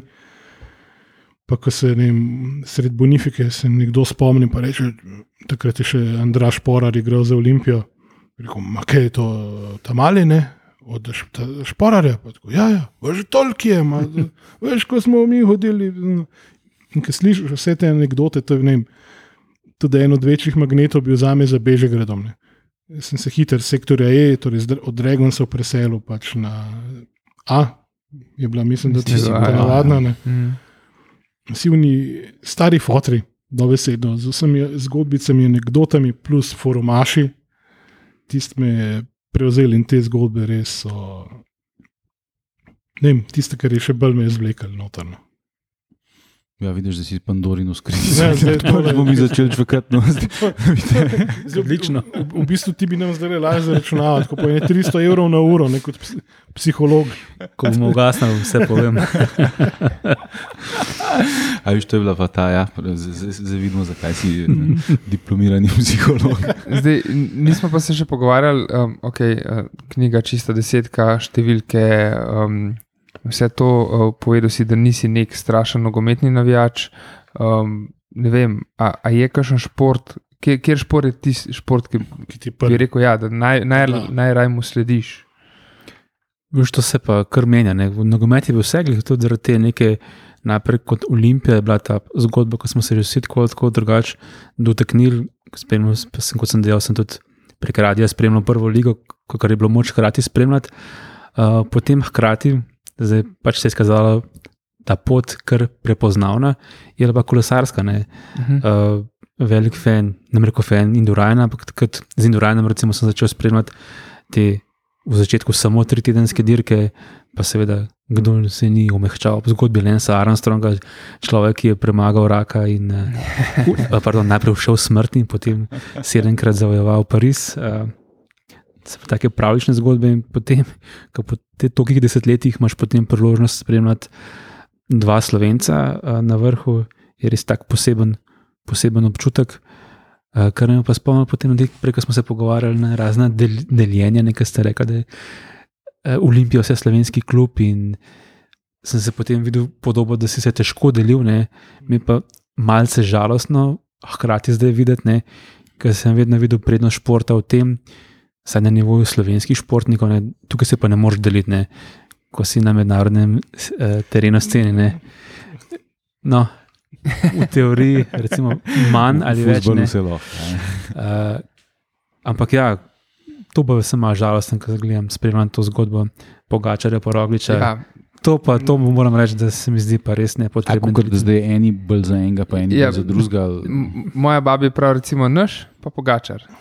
Kako je pa naš danes vozil, kako je pa pogačar vozil. ne? No, A recimo, Veš, tako, ja. recimo, ja. pa moja baba pač ne spremlja športa, neki baš, ne? ampak to pa pač zdaj spremlja, ker vsi spremljajo. ne. Ja, Um, in- točno to smo mislili. Ja, sem hotel, sem hotel eh, omeniti, da ja, v bistvu je pa, se se hitro ustavil, ne, da je kolesarstvo super primer, ker ne deli, a ne, ampak ja, ne, v bistvu ja. Kle, kle bi lahko super bilo, ker v Sloveniji okay, imamo, um, imamo pač par klubov, recimo Adrian Mobil je en, en, en tak izstopajoč, ampak kolesarstvo ne vzbuja takih rivalstv med klubi, kot je tudi Luka Janežič, ki je bil eh, pred kratkim naš gost povedal o, o atletiki. Tam pač noben skoraj ne ve, za kjer klub teče. Um, in bi tukaj lahko bilo pač podobna zgodba, da bi združevala, ker, noben, ker ni važno, za kjer klub uh, nastopajo. Ampak pač ni. A Jumbo Visma nima svojih huliganov. Ne, Jumbo Visma nima svojih huliganov, pač, uh, tako da ja, lej, vse, kar imajo, ampak to imajo spet vsi, je un hudiček, uh, un belgic, kaj je, ki- laufa um, ob, ob vseh velikih dirkah. Kakšno Oblično maskoto. Ja, pa, hudička. pa na vsake tuk dirk se, na, se najde kakšen slovenc, ki No, no ja, Ovira. sej, tukaj, ko smo, ko smo pa mi zraven, prša smo se pa začeli deliti, ne, ampak kolesarstvo res ni tak šport. Ampak so zelo prijazni. ne, Uh, development team od Jumba Visma, zdaj drugo leto zapored ima priprave imel na Rogli, kjer sem preživel letošnji dopust, čisto slučajno nisem, da bo se tam pripravljal. In ko sem zagledal, in moj tam je bil slučajno odres Rogliča, uh, so ga poklicali, oh, boj, boj, come here. In dejansko res so zelo prijazni, radi povejo, se pogovorijo z lokalnim prebivalstvom. Seveda ta zgodba Rogliča, tudi zaradi Rogliča se pripravljajo v Sloveniji na zadnje. In to na rogli. Na roki, Na Rogli, ja.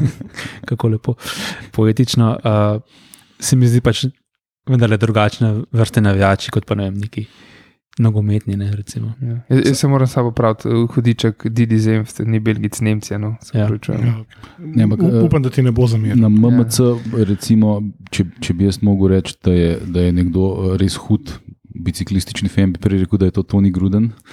Izjemen, to ni grudni, pa izjemen. Da, Spravo te prekaša v tem. Recimo, o, definitivno. Definitivno. Pa, pa ne velik- samo zaradi, zaradi električnega motorja.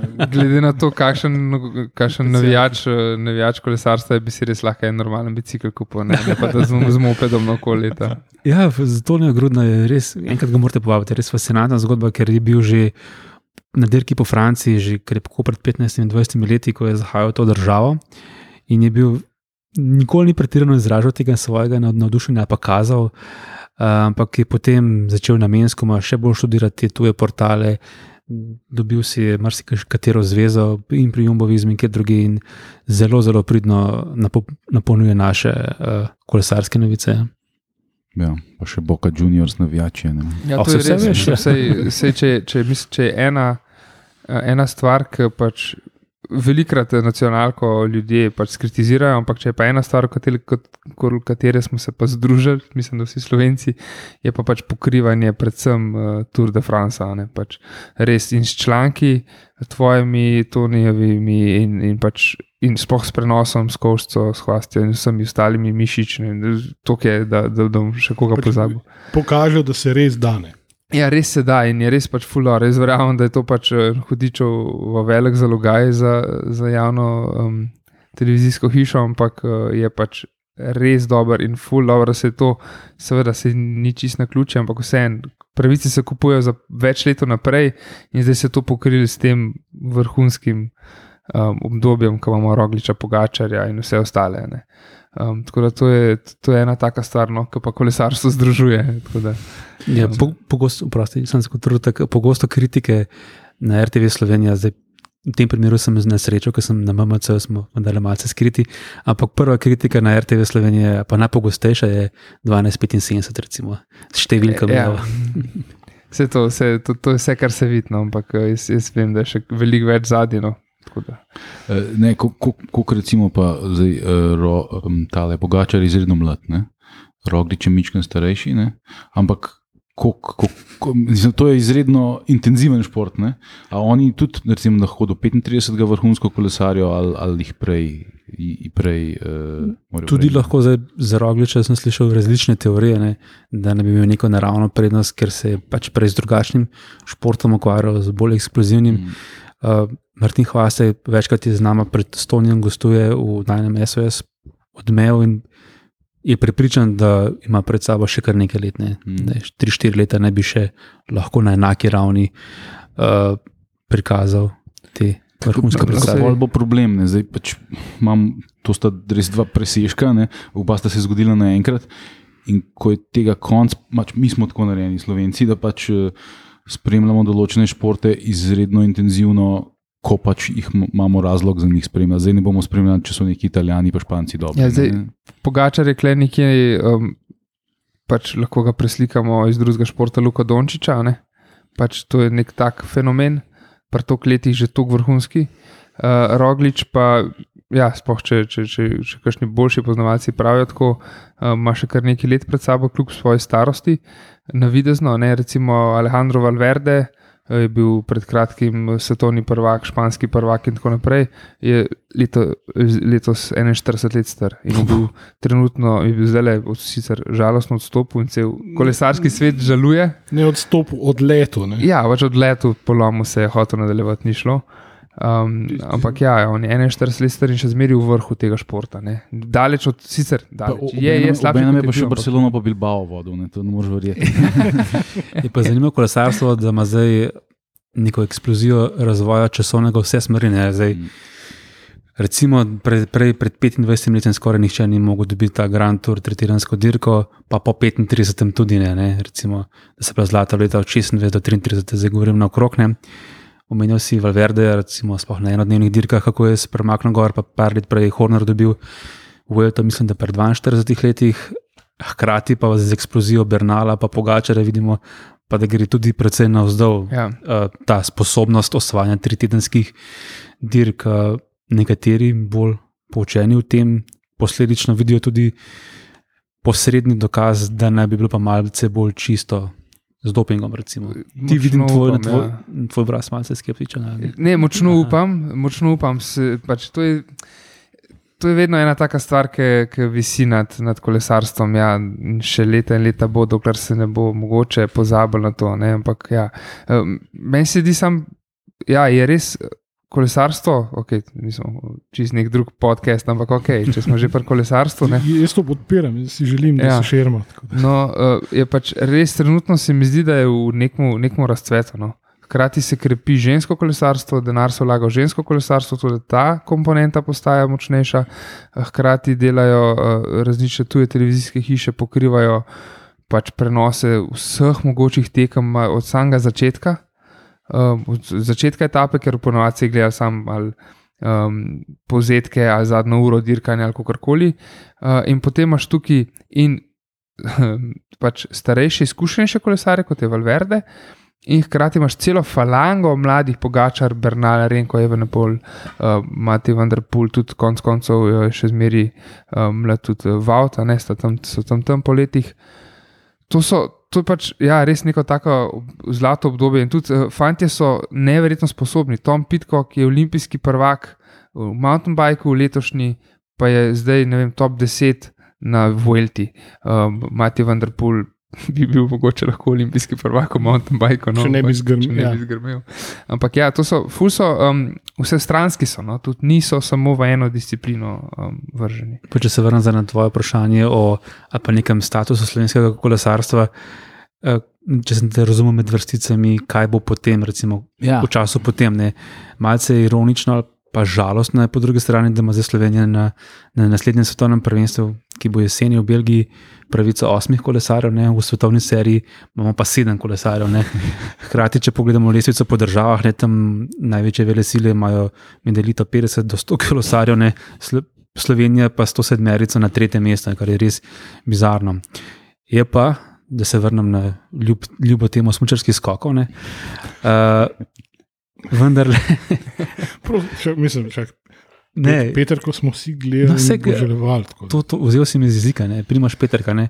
Zdaj, moja lajična interpretacija, da ta en velik bum, ki ga je dosegel konec 90-ih let, ne, da je potem vzbudila pri mladih fantih, da se jih je več opisalo, da smo potem videli neko generacijo okrog Petra Prevca, ki je naredila nek bum. Ne. Zdaj, če smo spet pri kolesarju v današnji situaciji, ko je. Če zdaj prekrižamo oči, pa pozabimo na primorža, pa tudi je malo vrhunskih kolesarjev, ne? Ampak recimo, up, daje pa upati, ne, da ta res enormno medijski uh, pokrivanje in vse, da več mladih se bo začelo s tem ukvarjati in da sadovi tega dela bodo pa morda videni čez 10-15 let. Ne, ne na zadnji Martin Hvaste, ki sem ga prej omenil, je rekel, da lani po koncu sezone, ko se je upisovalo za novo sezono, da se je upisalo rekordno veliko mladih, ne, da nima niti toliko trenerja, da bi lahko vse pokril, če sem ga prav razumel. Ne. Skratka, tukaj pa se vidi tudi neki ta drugi, upamo, da pozitivni vplivi, ne samo tega, da večina od nas, zase govorim, to več ali manj gleda, manj prakticira, ne, da je tudi nek tak pozitivna zgodba, ki se bo morda v neki bližnji prihodnosti dala občut, občutiti s pozitivnimi dosežki.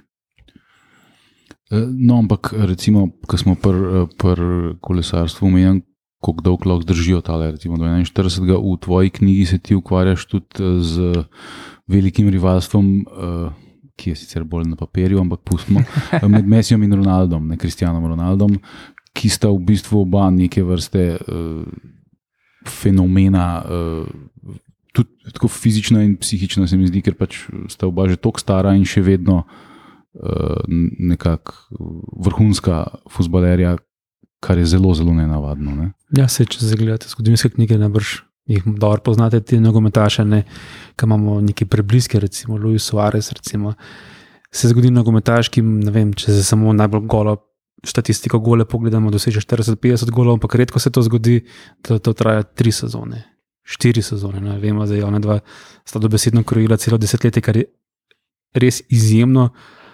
Lahko najdemo zgodovinske knjige, ko so bili recimo taki odstotki golov na tekmo, ne, pa vemo, kakšne so danes obrambe, ne, veliko bolj specializirane, da se tega težko danes prvoščeš, pa kar dominirate naprej. In to je za me ena izmed zgodb tega desetletja, zato sem tudi vključen. no. Ja. Zdaj, to rivalstvo Messi, Ronaldo. Ne. Tukaj bi se spet lahko govorimo o teh razsežnosti nogometa kot fenomena. Ne. Mislim, da kakšen teden nazaj je bil gost pri uh, Joe Rognu, mislim, da je bil Lex Friedman, en od kolegov njegovih, lahko da sem zdaj lepo mešal ime, ampak je bilo govora o tem rivalstvu. Ne. In v bistvu človek je v Ameriki, ki pač še vedno nogometno, pač, lej, nogomet je v porastu in vse, ampak še vedno. In je tako navdušeno razlagal o enostavno pač čisti motoriki mesija, čista, tista poteza več, tisti korak, s katerim vrže iz ravnoteže vse živo. In tako živo je razlagal o tem navdušenju nad njim, ne, da Ronaldo je še vedno pač fenomen, vsaka čast in vse, ampak da mesi tisto naravno, v, bistvu legitimni naslednik LDG. Z gibanjem, z vsem, pač karmani. In da to pač, da prije, v bistvu, kljub vsemu, največji podcast na svetu, še vedno ne. A nismo mi. Ne, še, ne, še, še malo. Še malo. Še en krok. Do 180. A ti uh, imaš, recimo, med tema dvema uh, velikanoma preferenco? Bi, bi rekel, meni je ljubši Messi, meni je ljubši Kristjano. Uh, Na kakšen koli način. za mene se meni zdi, da sem jaz rekel tiran, prej sam ki izjava. A sem zdaj sem hotel slišati, da se je rekel tiran, mesi. Skratka, meni se zdi tako, uh, v knjigi uporabljam izraz uh, mesi, da je neverjetna mešica tirana in demokrata. Ne. Zdaj tirana v smislu, če pogledamo njegove gole demokrate, rekordar po številu podaj, koliko uh, enih zadetkov omogoča svojim igralcem. To se mi zdi taka, uh, taka primerjava za njim.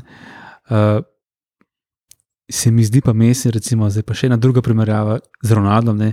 Pri mesiju se mi zdi vse nekaj dano, neka poezija, nekaj sam, samo od sebe, zgodba, ki se dela samo od sebe. Zdaj, Ronaldo, ki mi je zljub, sploh zato, ker je igral v Angliji toliko časa, na liku imam izraz, izrazito rad. Ampak, uh, ja. Tudi, ampak ja.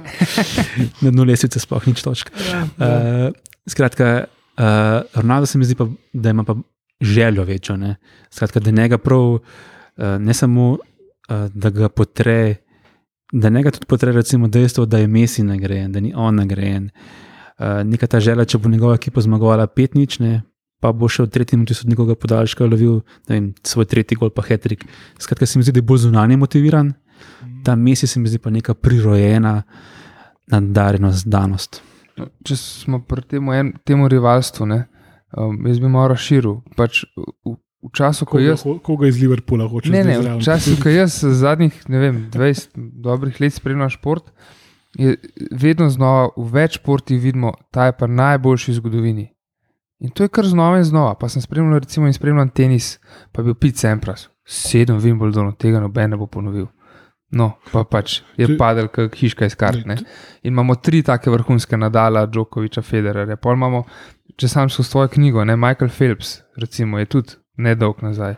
Um, potem Serena Williams je spet tenis, ne Lewis Hamilton, uh, pod, podira vse rekorde. Uh, v full športih se to dogaja, da, smo, da vedno znova je, evo, ja, Marcel Hirscher tudi, recimo v Smučanju. Um, vedno znova pogledamo Hcanko, ki se umenimo to. Ampak ja, zakaj se to dogaja? To je res sam posledica, ne vem, vse večje komercializacije, pa tega, da nekdo od zadaj potiska umetno, da bi oni izstopali, ali zakaj. Zato, ker šport je vedno zahtevnejši. Ne? Smo se tudi pogovarjali, že mislim, z Luko Janežičem, včasih lahko metu kuglo na olimpijskih, pa hkrati tekel maraton, pa boje zmagal. Ne? Zdaj pa to ne gre več. Specializirani so, ampak uh, uh, in ja, podirajo pa vse rekorde, no pač res neverjetno. Je Zdaj- to verjetno specializacija. kaj? Pa zdaj, smo, jaz bi še rekel dva, dva razloga nadalje za to, kar se meni Louisa Hamiltona. Ne? En razlog je tudi v sami tehnični naravi športa, v smislu, okay, ena je, ja, da prevladuje, ker ima tak avto, drugo je pa, da v, v velikih športih, kot je recimo tudi Formula 1, da se izrazito povečuje število tekem, recimo, da lahko potem podirajo rekorde. Ne? Za času Šumaha je bilo recimo po 15 dirk na leto, zdaj si želijo krepko čez 20 jih izpeljati Mm, mm.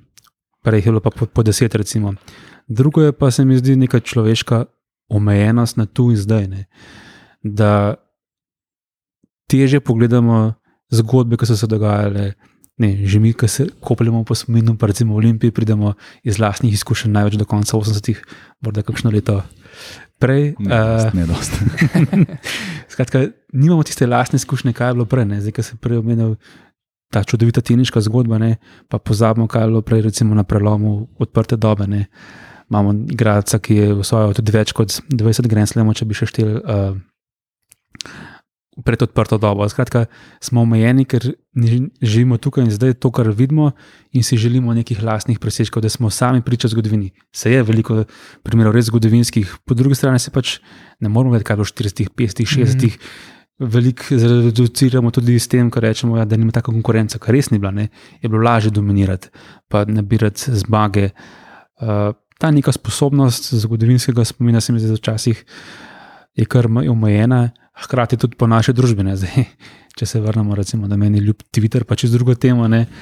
Hiter, kdo koga pokritizira, pozab, kaj se je prej zgodilo, zakaj je nekaj naredil, uh, da morda pred kaj vse pripeljalo do njegove odločitve, in tako naprej, da smo preveč obsojeni na trenutek tukaj in zdaj. Ne.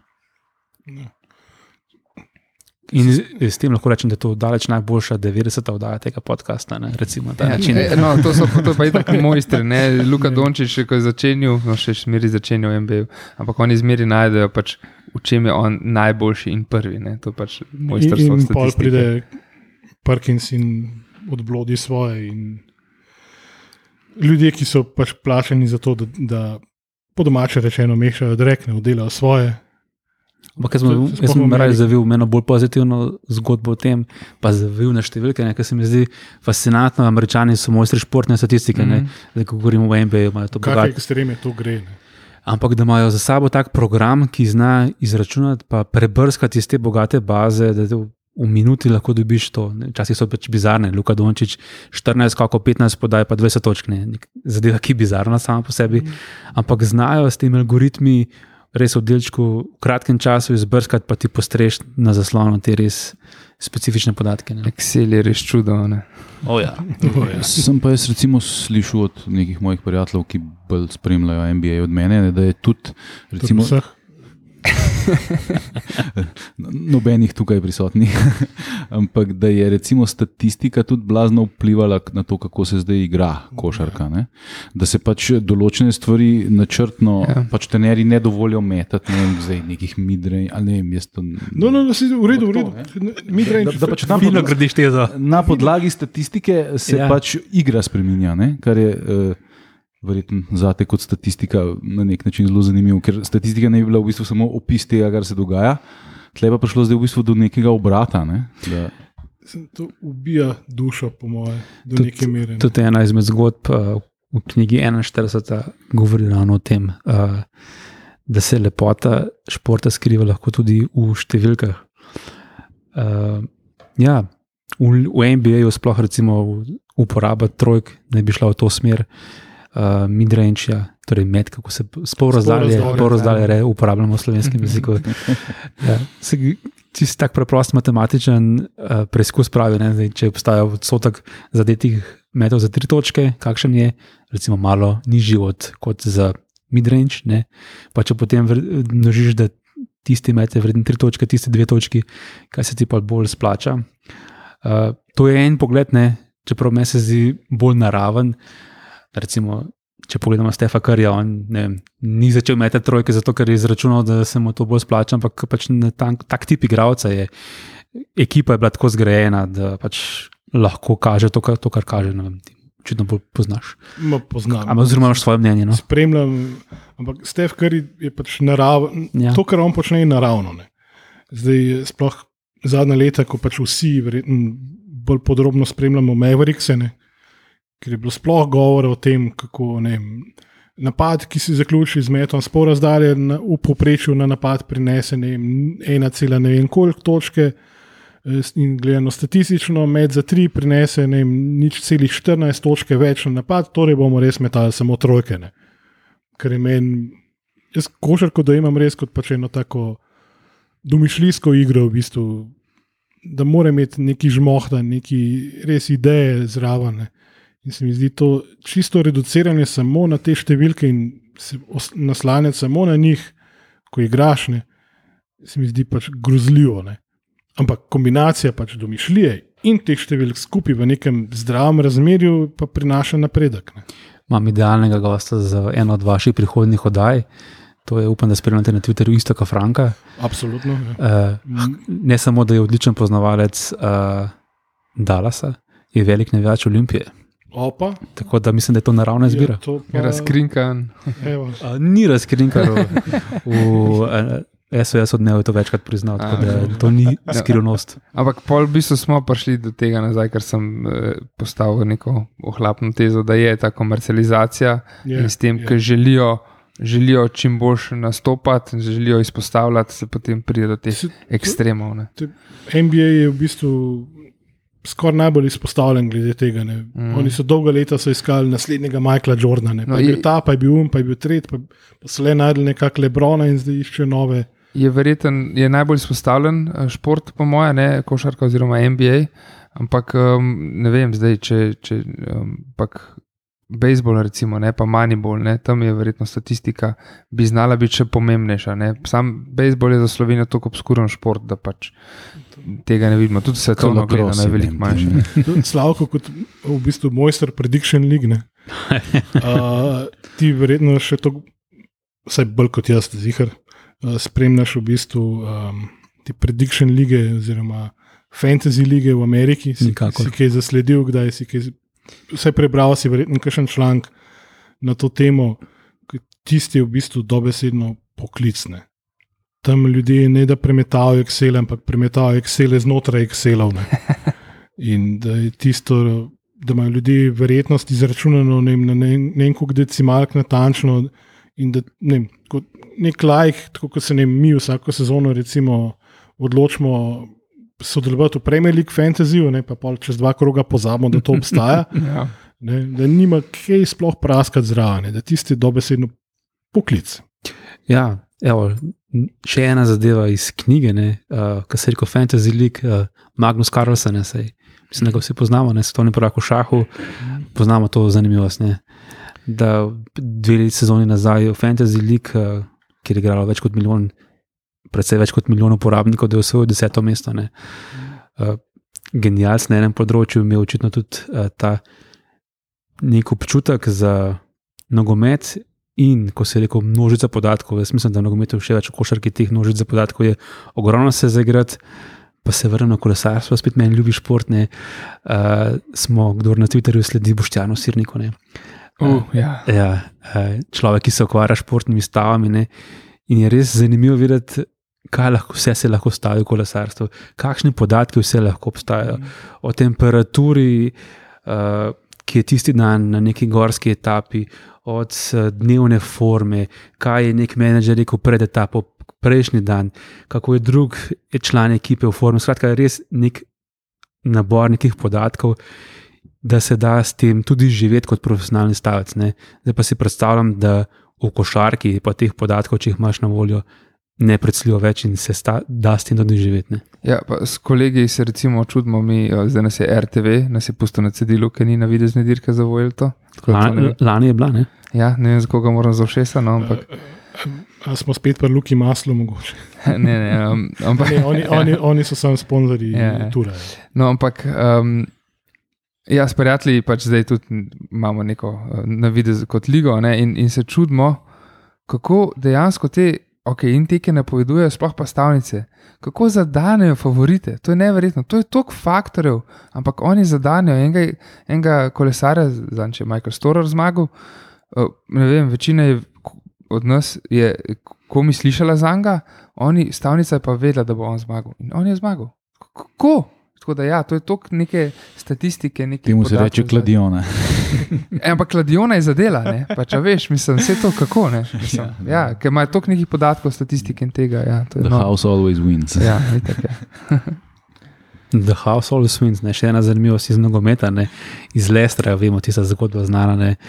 In tudi v knjigi z- iz glave sem pozabil, na koliko milijonov funtov so takrat, uh, mislim, nekih 10-20 stavcev je stavil, da bo Lester angliški prvak na kvoto 5000 in ja, nekaj 10 milijonov funtov je šlo na ta račun. ne. Ja, ja, to, to, je bil, to je bil pa res posel uh, stoletja, kdor komu je to uspel staviti. Ja. Pa tudi sam dosežek je vrnil malo vere v nogometno. Mičken. ja. Vse je, eh, vseeno se je zdel, se je zdel da mislim, je dokazano bilo, da okay, en, en klub, ki nima toliko denarja, vse, ne, pač, oziroma ki ni toliko zmetel z lopato denarja v, um, v, v, v, v ekipo, da je nekaj naredil. Ne. Um, Zanimivo, še, ve, še vedno uživa sin pokojnega lastnika, ne, ki je pač žal zgrmel dol s tistim helikopterjem nesrečnim. Uh, uživa še vedno največje zaupanje navijačev v celi ligi. Ne. ja, to je bila zdaj raziskava. Ne. Ja. Newcastle je seveda zadnji. ne. Pri Arsenalu se je pa tudi najdel, koliko je šest odstotkov ljudi, ki zaupajo lastnikom. tako da- Ampak, eh, če kdo ne več Newcastle, kje pa Sunderland? Avč, avč. Um, zdaj, sem, jaz bi se sam za, za trenutek, športe smo obdelali danes fenomenalno in tudi smučanje mi je ljubo, še vedno. um, ampak uh, številke so kdaj zatavljale tudi izven sveta športa, ne? Mnogokrat. mnogokrat.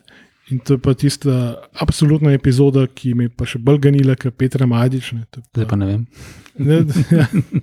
Mislim, da je bila uh, Klara Širovnik, enkrat gostja, Aha. zelo obetavna mlada novinarka, ki je z voljo takih in drugačnih pritiskov strani ljudi, ki si mogoče ne zaslužijo, da jih tem tako naslavljamo, ne, torej kot ljudi, uh, tudi zbežala iz uh, državnih omrežij. Tiste je bila tudi ena super zgodba. Kjer epizodo številk kjer ti je najbolj pri srcu, kar si jih do zdaj oddelal? Wow. Pa jih je bilo res že koliko. Je tako, da bi izbiral med otroki. a ne? 187, tež, tega vprašanja pa nisem pričakoval. Uh, evo, zdaj čist po asociaciji, uh, drugače mi je Primoš Roglič uh, padel, je ampak, bilo- ampak to je pa spet tisto, kar sem pregovoril, vpliv zadnjega trenutka, ne, bodimo pošteni. Ne. Uh, če se vrnem pa sam na, na, sam, na sam začetek, recimo prvo sezono, uh, pa mislim, da nismo prvo menili mi Neil deGrasse Tyson. Nekdo ga je Ja. omenil. No, Ja. evo, Neil deGrasse Tyson, ki je bil recimo prvi tuj gost, uh, že zaradi tega. Ne, recimo. Pa eminenten gost, to je pa res. Je kar v redu, ja. Ne, recimo, oprosti, Wow. oprosti, Nil. Uh, Skromen. ne, ne, pa recimo primerne, ker uh, ne bom povedal, koga vse sem povabil, ne vse to vdajo, koga tujega, ampak se vidi neka razlika. Recimo, če gledamo zdaj prvo ligo vseh možnih zadev, od uh, entertainmenta do športa, do znanosti, ne najbrž znanost edina, pri kateri lahko upaš, da nek prvo ligaš, kakorkoli to zdaj vzamemo. Da bo prišel gostoval v nekem neznanem podkastu in majhni državi. Ne. To, to pa znanost čuti neko poklic, oziroma poklicanost, da širi svoje spoznanje. Recimo, ne. Zaveda se svoje odgovornosti. Ne. Tako je. Pa Mičo, kako je že bil ali še bo. Tudi on je povabljen, nož pa ni se odzval. tako da- Ne, ne, no. Mogoče v, v prihodnosti. Ja, mislim, da več zaupanja v znanost je to, kar v tem trenutku ta svet najbolj rabne. Mislim, da smo lahko rečemo, da smo nekako prijadrali. O jadru nismo, nismo še nič rekli uh, proti koncu. Knjiga je na voljo, dobi se jo na MK, na MK.si, v vseh knjigarnah, eh, mladinske knjige, zelo, zelo toplo priporočam, da si jo mislite. Še, eh, še podpisati jo mora Slavko. ne? Ja, absolutno. Le. Zato sem markerje prenesel. Ko me čakam, No, številka 40, no evo. Tako da- Lahko 41. lahko. No, prav. A Vidmarjeva cira. ja, ja, tudi. tudi. Tako da, ja, eh, Slavko, najlepša ti hvala, da si bil naš gost. eh, Pa, um, Še kdaj? tako. A, čakaj, nekaj smo pa pozabili. Ne? Za koga po hokeju navijaš? Zgorenski sem. Ja, torej Bled, Olimpijo. dobra izbira. Varna izbira. Odlično. Ja, tudi z moje strani res najlepša hvala, da si bil gost. Um, Hvala, včasno mi je bilo. Hvala za povabilo, resno. tako da ta, ta današnji podcast sicer ne bo toliko zadovoljil, mogoče tiste navijače Olimpije, ki, ki striktno samo um, želijo podcast o Olimpiji, ne, ampak eh, mislim, da smo tako široko obdelali temo, da je bilo ful zanimivo, da je bila res. Um, Ti si se tudi nekaj razgovoril, končno. ja, nekaj novega. Čim je kolesarstvo klino. Ja, Zdaj vemo, da Poleti. dru, drug let imamo za tur uh, spin-off. Ne? Ja, Več lej, kot očitno. mogoče bomo pa še kakšen spin-off naredili, ne, kakšno malo širšo temo. Ne, Čim Saj, več. Pa veš. Smučanje. Prej slej tudi to. Je le, čak, šte, Štefan Hadelin je dobrodošel gost. Ne, to je, Ja, da upam, da se bomo lahko zmenili, pa da, pa da pride kaj na obisk. No, vse že Slavko nam je dal zelo ne par idej, ne, tako da bomo jadrali naprej. To je to.